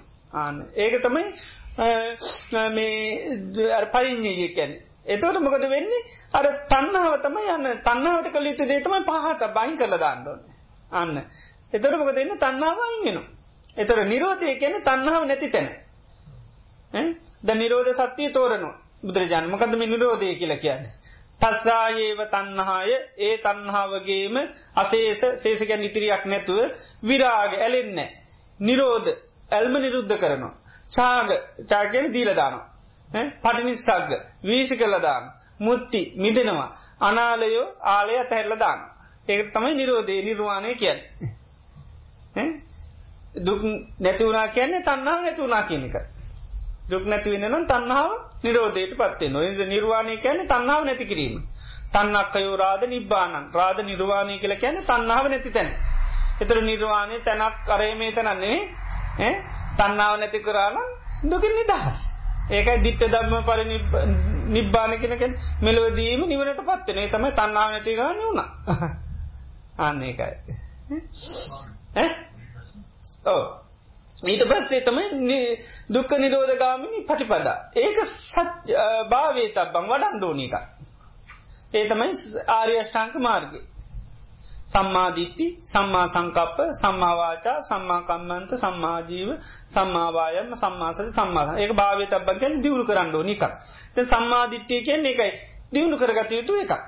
දැන් ජීවිතේ තියෙන මිත්‍යාදිට්ටි. ඒ නිසා අන්න සම්මාදිට්ඨිය තියෙනවා. ඒ සම්මාදිට්ඨි ඇති කරගන්න මේ උපකාරක ධර්ම හතරක් තියෙනවා. ඒක තමයි අර කල්යාණ මිත්‍ර ඇසුරට යන්න ඕනේ. සද්ධර්ම ශ්‍රවණය අහන්න ඕනේ. යෝනිසෝ මනස්කාරය හෙදෙන්න ඕනේ. ධම්මානුධම් ප්‍රතිපදාවේ දෙන්න. ඒතකොට තමයි යන්නේ සම්මාදිට්ඨිය ඇති වෙන්නේ. සම්මාදිට්ඨිය හිතක ඇති වුණාන් පස්සේ සම්මා සංකල්පය තියෙනවා. යම් අපි යමක ආදීනු දැක කීමක දැන් සම්මාධිට්ටි එතොටමකද සම්මා සංකල්පක ඒ අත්හරෙන්ට තම ඉට පස්සේ නිතරම කල්පනා කරන්න. සම්මා සංකල්ප. නෙක්කම්ම අව්‍යාපාද අවිහිංසා. ඊට පස්සේ සම්මාවාච සම්මාකම්ම ඒ විදිර තමයි ඒ සම්මාධිට්ටිය ඇතුනම් පස්සේ තමයි අනිත්තේවට යන්න පුළුව. ඉති ඒ විදිහට ඒකතර කියන යන මාර්ග සත්තිය කියලා. ඒක භාවේ තබ්බම් දියුණු කළ යුතු දෙයක්.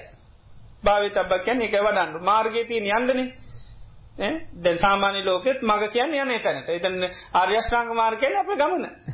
ඈ යා යුතු ගමන් මග තමයි ඒක හරහා තමයි යන්න තියෙන්නේ. ඒක ඒකෙන් පිටපැනල යන්න බෑ. ඒ මාර්ග අතේ අංගාස්සේ තමයි යන්න තියෙන්නේ. නිවන් දකින්න ඔය යටේ යන්න ඕනේ. ඒකෙන්තර පුළුවන්කමක් නෑ. දැන් සම්මා වාචා නැතුව ඒව නැතුව නිවන් දකින්න බෑ. ඉතින් කොහොමද මේව පුරුදු වෙන්න ඕනේ. ඒකයි කොත් මේ අනිත් පැත්තෙන් අපි කරන්න ගියත් මේවා හැදෙනකන් අනිත් පැත්ත හැදෙන්නේ නැහැ ලේසි. ඈ සම්මාදිට්ඨිය තිබුණොත් තමයි අර සම්මා වාචත් දිනු කරගන්න පුළුවන් ඉන්නේ. සම්මාදිට්ඨියට එනක තමයි අකුසලංච පජානාති අකුසල මූලංච පජානාති අකුසලයක් හඳුන ගන්නවා අකුසල මූලයක් හඳුන ගන්නවා කුසලයක් හඳුන ගන්නවා කුසල මූලයක් හඳුන ගන්නවා ඒ විදිහට. ඉතින් ඒ නිසා චතුරාර්ය සත්‍ය හතරට කෘත්‍ය හතරක් කරන්න ඕනේ. හිත ඒක තමයි යථභූත ඥාන දස්සනය කියල තියෙන චතුරර් සත්තිට කරන්න ඕන් ටිකට එක ඥානයට තුන ගාන කරන්තින. දුකට ඥාන තුනත් තියන සමුදයට ඥාන තුනත් තියනවා. නිරෝධයට ඥාන තුනත් තියන. නිරෝධගාමිනි ප්‍රතිපදාවට ඥාන තුනත් තියනවා. දුකරතියන ඥාන තුන තමයි දුක ආර්ය සත්‍යයක් හැටියට දැනගැනි. ඉදන් දුක්කං අරිය සච්චන්ති මේ භික්කවේ පුබ්බේ අනුසුතේසු දම්මියසු චක්කුමුද පාද. මේක තමයි දුක කියලමට ඥානයක් පහළුණ මේක තමයි දුක කියන එක. ඉළඟට පරිින්ය මේ දුකට කළේතු දෙයක්ත්තිනක ඒකටකෙන කෘත්ති ඥානය කියලා සත්‍ය ඥාන කෘත්ති ඥාන කෘතඥාන තුනයි. එතර මේක කළේතු දේ තමයි පරිින්ය යන්ති මේ බික මට මේ අවබෝධ ගැන පිළිසිද අවබෝධ කරන්න ඕන කියලා ඥානයක් පහළුණා. ඊළඟට ඒක මං අවබෝධ කරගත් ඊට පස මර ඥානය පහලන ම මේ පරිඥා මේක මං අවබෝධ කරා කියලා. එතොට දුක සතිර ඥාන තුන. සමුදේට මේ දුක හටගන්න හේතුව කියලා ඥානයක් ඇතින ඒක තමයි සමුදේ. ඊළඟට ඒකට කළ යුතු දේ තමයි පහතබ්බම් ප්‍රහණය කරන්න ඕන්. ඊළඟට ප්‍රහාණි වුණ. ඊට පස්සෙන් පහහි නන්තිව මට මේක ප්‍රහණය වුණ කළ ඥානය පහලුණ. ඒදර කුතස් ඥානය කියල ගැන කරලා ඉවන්නට පසතර දැන්නාන හයයි. ඊට පස්සේ නිරෝධයට. ඉදන් දුක් නිරෝධම්බික් මේක තමයි දුක් නැති තැන. ඒතමයි තන්නාව නැත්තන් දුකන ඒක මට අවබෝධුනා තන්නාව තිබුණත්තමයි දුක් විනිනේ තන්නාව නැත්තම් දුකන ඒක අපි නිතරමර නිරෝධි බලන් මේ හේතු තිබ්බොත්තව තියෙන ඒක නැත්තන්න ඒ නිසා මේ දුක නැතිවෙන නම් මේ තන්නාව නැතිවෙන් ඕනි කියලා අන්නමට අවබෝධුනා ඒක තමයි දුක නිරෝධය පිළිබඳ ඥාන්. ඉළඟට සච්චිකා තබ්බන් එකන්නේ පත්‍යශ්‍ය කරගත යුතු දෙයක්. ඒ කැන අවබෝධ කරගත යුතු දෙයක් ඒක. ඉළඟට සච්චිකා තමන් ඒක අවබෝධ කලා කියල ඥානයක් ඇතිවුණ. ඒ ඒකට කෙන පුතක් ඥානය තොට ඥාන තුන එතොත් දැන් නමයයි. ඕ ඊළඟට මාර්ග සත්‍ය බල ඉදන් දුක්ක නිරෝධ ගාමිණී පටිපදා අරිය සච්චන්ද මේක තමයි දුක් නැති කරගන්නාව ක්‍රමය කියලමට ඥානය පහළුණා. මේ සම්මාධිත්‍යය තමයි දියුණු කරන්න ඕන සම්මා සංකපේමයි දියුණු කරන්න ඕන මේක නිදහස්වෙදෙන. ආනේ පිළිබඳවමට ඥානය කැතිවුණා. ඊළඟට ඒක භාවේ තබ්බන් දියුණු කළ යුතු දෙයක්. කියලා අන්න ඥානය පිළිකට භාවිතන් දැම් මංඒක දියුණු කරලා ඉවරයි කියලත් මට ඥානයක් ඇතිවන එක තම කුතත් ඥාන කරලා අවසාන වනාට පස තමයික ඇතිවෙන්නේ. ආන්න ඒ තුනත් එක තමයි දොළහක් කැන ඒක තමයි කැනෙ දවාදසාකාරන් යථභූතඥානන දස්සන නැසු විසුද්ධං අවෝසි. පිරිසුදු නොව නද නේවතාවහම්භිකේ ඒතාක්කල් සදේවකය ලෝකයේ දෙවියන් සහිත ලෝකයේ සබ් සමන ප්‍රාක්්මනේ සස්සමන පජාය සදේව මනුස්සාය දෙවියන් සහිත ලෝකේ අරහන් සම්මා සම්බුදු මම අරහත් සම්මා සම්බුද්ධ කියල ප්‍රතිඥා කරේ නෑ කියන. හැබැයි යන් දවසක මට මේ ඥාන දර්ශනය පිළිසුද්ධනා එදා තමයි වන් සම්මා සම්බුද්ධ කියලා අන්න ප්‍රතිඥා දුන්. ඒක තමයි ඥාන දර්ශන කියලා කියන ඥාන දර්ශන විසුද්ධිය ගැන්න තෝකන තමයි. අපිත් ඒ ඥාන දර්ශනය අනිවාර්යම දවාදසාකාරයම අවබෝධ කරන්න ඕන්. ඒකයි.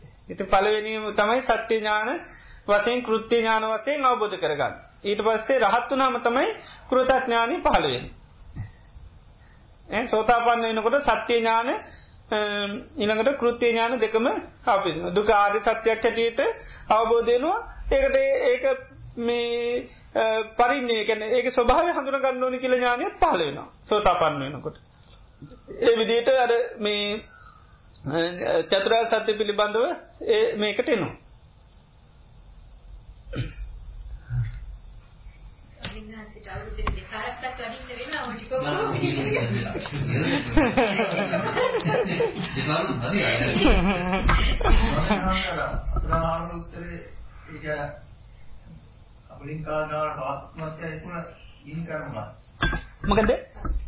අපලින්කාගාර සංස්වාහාර ඔව් මනෝ සංචේතන විඥාන ඔව් ඔව් ඒ තුන තමයි පස් ආහාරයක නිස්පර්ශේ ස්පර්ශය කියන්නේ තින්නම් සංගති පස්සෝ. තුනක එකතු ඒ තමයි චක්කුංච පටිච්ච රූපේට උපද්දති චක්කු විඥාන. ඇහත් රූපයන් නිසා නිතරම චක්කු විඥානෙ පහළ වෙනවා. තින්නම් සංගති ඒ තුන එකතු වෙන තැන තමයි කියන පස්ස කියලා. එතකොට ස්පර්ශ වුණාම තමයි අපිට මේ මේ මේ දැන් කය ගත්තොත් එimhe කය ගන්න දෙන වෙන්නේ ස්පර්ශ වුණොත් එහෙම. ඉතින් ඒකයි ස්පර්ශ ආහාරය කියලා කියන්නේ. කැන බව පැවත්මන ස්පර්ශය ආහාරයක් වන ඊළඟ උපතක් කරයන්න ස්පර්ශය නිතර මහාර නම පස්ස පච්චමකද වෙන්නේ? වේදන. වේදන පච්චය තන්න තන්න පච්ච උපාද පාදන පච්ච බව අන්න බවපච්චය ජාති අයපුදිනවා ආනක එතට විඤ්ඥාන ඒකයි. බව පැවත්මට විඤ්ඥාන ආහාරයක්. ආහාරකන පෝෂණය වෙනවා කෙනෙකයි දැන් සාමාන්‍ය ආහාර ගන්නකට පෝෂණ වනවාගේ ස්පර්ශයෙන් බව පැවත්ම නිතරම් පෝෂණ වෙනවා ඊළඟට වර්තමානය ක්‍යාකාරිත්තර ජීවිත ස්පර්ශය නිතන පෝෂණය ලබාද. ඊළඟට මනුව සංචේතනා කියන්නේ චේතනා. චේතනා පාල කරන කොටත් මේ පැවැත්ම වගේම ඊළඟට ආය උපත්තට ඒක ආහාරයක් වෙන විඤ්ඥානයත් එහෙම. විඤ්ඥානය තාය උපතක්කට පෝෂණය ලබාදන නිතර. එකයි සතර ආහාර කියල කිය. ඒකත් වෙනවා. ඒකට තියෙන තන්නාව තින්න තාකල් ඒත් ඒක කෑම කණ්ඩ කන්න ඉතින් භවතම දෙන්නේ ලේසි නෑවට ඕ ඒකයි. ඒකන කබලින්කාය හාර පිළිබඳව ආබෝධ කරගත්තොත් අනාගාමිය නෝ කියනවා. ඇ යනාගාමයට ආහාරවල පිළිබඳ අපාවක් නෑ. ආන්න ඒකයි ඕ ඒ වගේ තියෙන ඇති ඒක ආහාරිකැන බව පැවත්ම පෝෂණය වෙනවා කෙනෙක. ඉළඟට අපේ ක්‍යාකාරිත්තයට පෝෂණය නිතරම තියන්නේ ආහාර නිසා. දැන් මේක අයට කබලින් ආහාර දුන්න ඇතුරත්තේ මේක පවත්තන්න බෑ. ඒකයි. ඒවගේ දැම් පෝෂණයනවාගේ තම ඊළඟ පෝෂණයක ලබා දෙනවා නිතරම. තව බවය කදල දෙනවා. ඒක ආහාර කියල කියයි. ආහාර හතරටම තියෙන ආහාර හතරත් ඒකටත් තියෙනවා ඒකත් හේතුවන්නේ සතම පවතින් ඒ ආහාර හතරත් තියන්න තන්නාව නිසා. තන්නාව නිසා තම ආහාර හතරත් තිීන් කොතනින් ගිය තන්නාවෙන් බෙරෙන්න්න බෑ. ඒමක දෙකන දුකට හේතු? තන්නාසිනේ තන්නාසිනේ ඔව ඒක තන්නා සිනහෝ කියලකැන එක තන්නාව තමයි තෙත හැම දේටම තෙතෝන අනි තොක්කමත බත් බෑ. ඉළඟට මේ විඤ්ඥානම් බීජන් තන්නාසිනේ හෝ විඤ්ඥානය තමයි බීජය තන්නාව තමයි වතුර. පොළොව තමයි රූප වේදනා සංඥා සංකාර. ඒක ඒක එකක්ත් අතාරෙන්ට බෑ. මොකද? හරි ඉතිේ නිසා මේ මේ තන්නාම ඇමතනම තියන ඇති කොහෙන්ගිය තන්නාවෙන් තම තියන්නේ වැඩේ. දුක්කිදින්නේ තන්නාව නිසා. එති නිසාර අත්තිරාග කියලතින මේවයි රාගේ තියන තාක්කල්න්නේ ආය ආය බව පැත්මත්තමයි තිීන් මේ ආහාර හතරේ තන්නාව ප්‍රාණය කරන්න දුකින් නිදහස්සෙන්ට පුළුව සතරාහාරයෙන්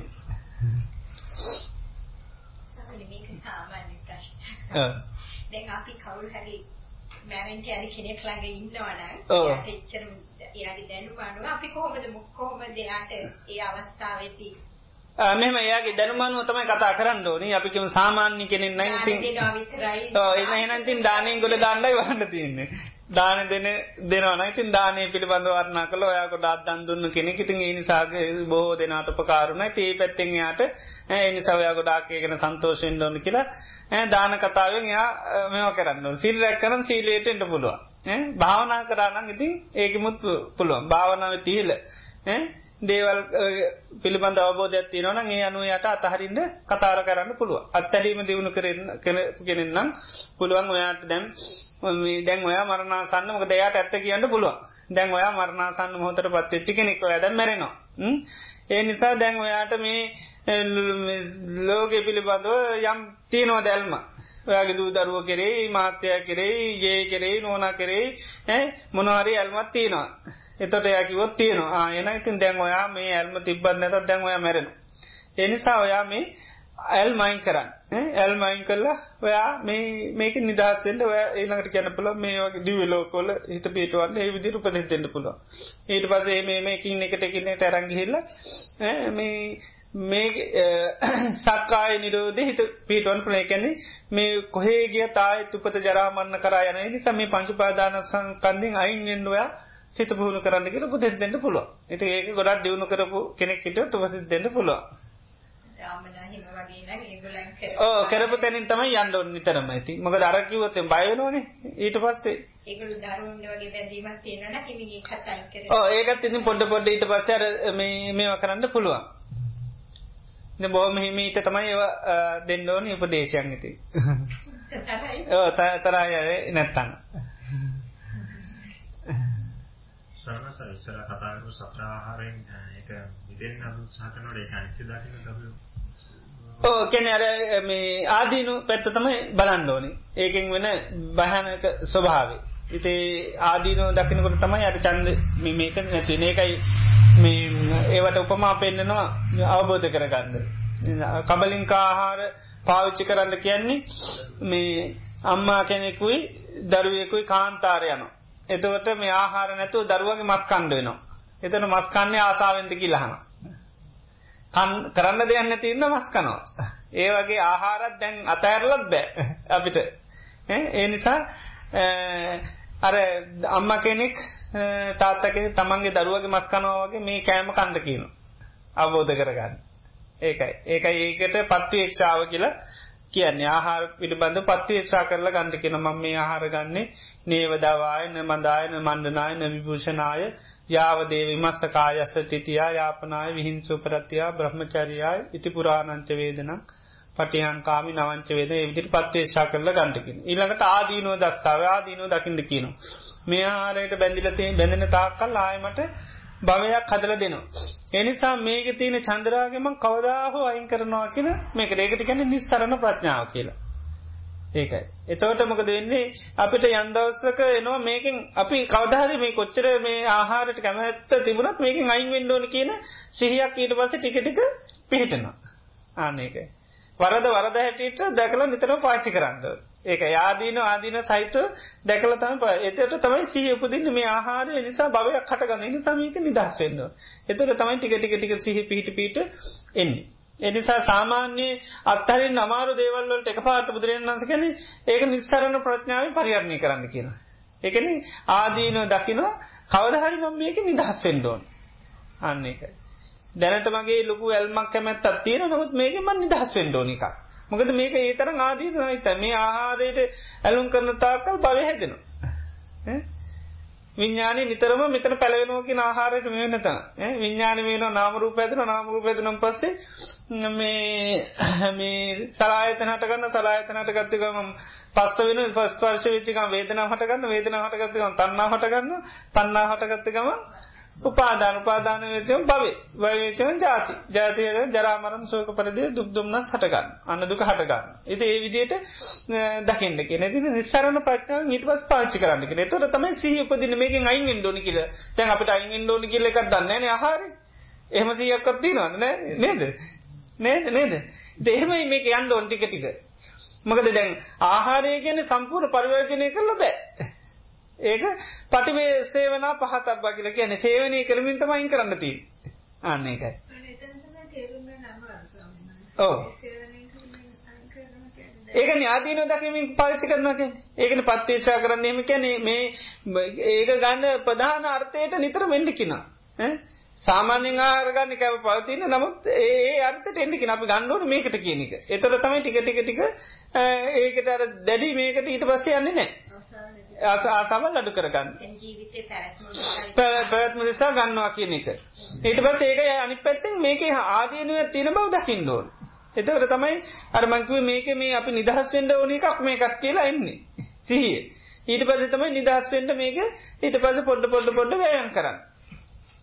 ඉතින් මේ ඊළඟට ස්පර්ශය කියල අවබෝධ කරගන්න පෙන්න්නන මේ ස්පර්ශය කියන්නේ හමගහ පෙළ දෙනක් වගේ කියනවා. එරදනෙ හමගහපුම් කොහේගෙත් බේරෙන්ට බෑකින්න මැස්සුන්ගේ ඒවගේ තම ස්පර්සයත් ඒ වගේ කින නතර කරන්නම් බැරිය එක කෝමුණ තරමුණු එනවාමයි. ඉති ඒ ස්පර්ශ ඒ වගේ එකක් ඇතිට දැනගන්න කියන.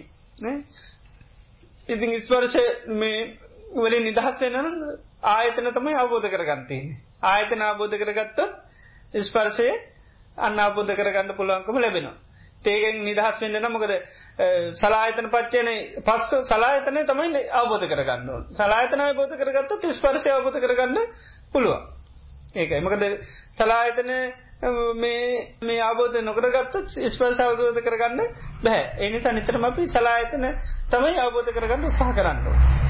මනෝ සංචේතනකැන් චේතනා පහල කිරී. චේතන් චේතනාවේ තියෙන පෙන්න්නනවා මේ චේතනාව පිළිබඳව අවබෝධ කරගන්න පෙන හරියට මේ මේ චේතනාව කැන්නේ මේ දකිින්ට කියනවා මේ අර මේ මේ ඕ මේ රජ කෙනෙක් මේ මනුස්සේ ගිනි ගොඩකට ගිහිල්ලා මේ මේ මේ කැන රත්තේචි ගිනි ගොඩක් ගිල්ලඟට ගිල්ලා මේ මේවා කරනවා වගේ තමයි මේ මනෝ සංචේතන ආහාරය. ඉළඟට විඤ්ඥානාහාරය කියන රජගෙනෙක් හොරෙක් ගෙනල උල් තුන්සීයක් මෙකැන උල් සීයක් උදේ අයිනු හවස තුන්සියකින් අයිනවා. ඊළඟට මෙහ මේ දවාල තුන්සි ආනේ වගේ තම විඤ්ඥානය ආකාරයට බලින්ද කියන. එතර මොකද විඤ්ඥානයට කැමැත නෑ විඤ්ඥානයෙන් ඒවගේ ස්වභාවත්තම ගෙන දෙන්න උල් සේන්සියකින් අයිනවා වගේ.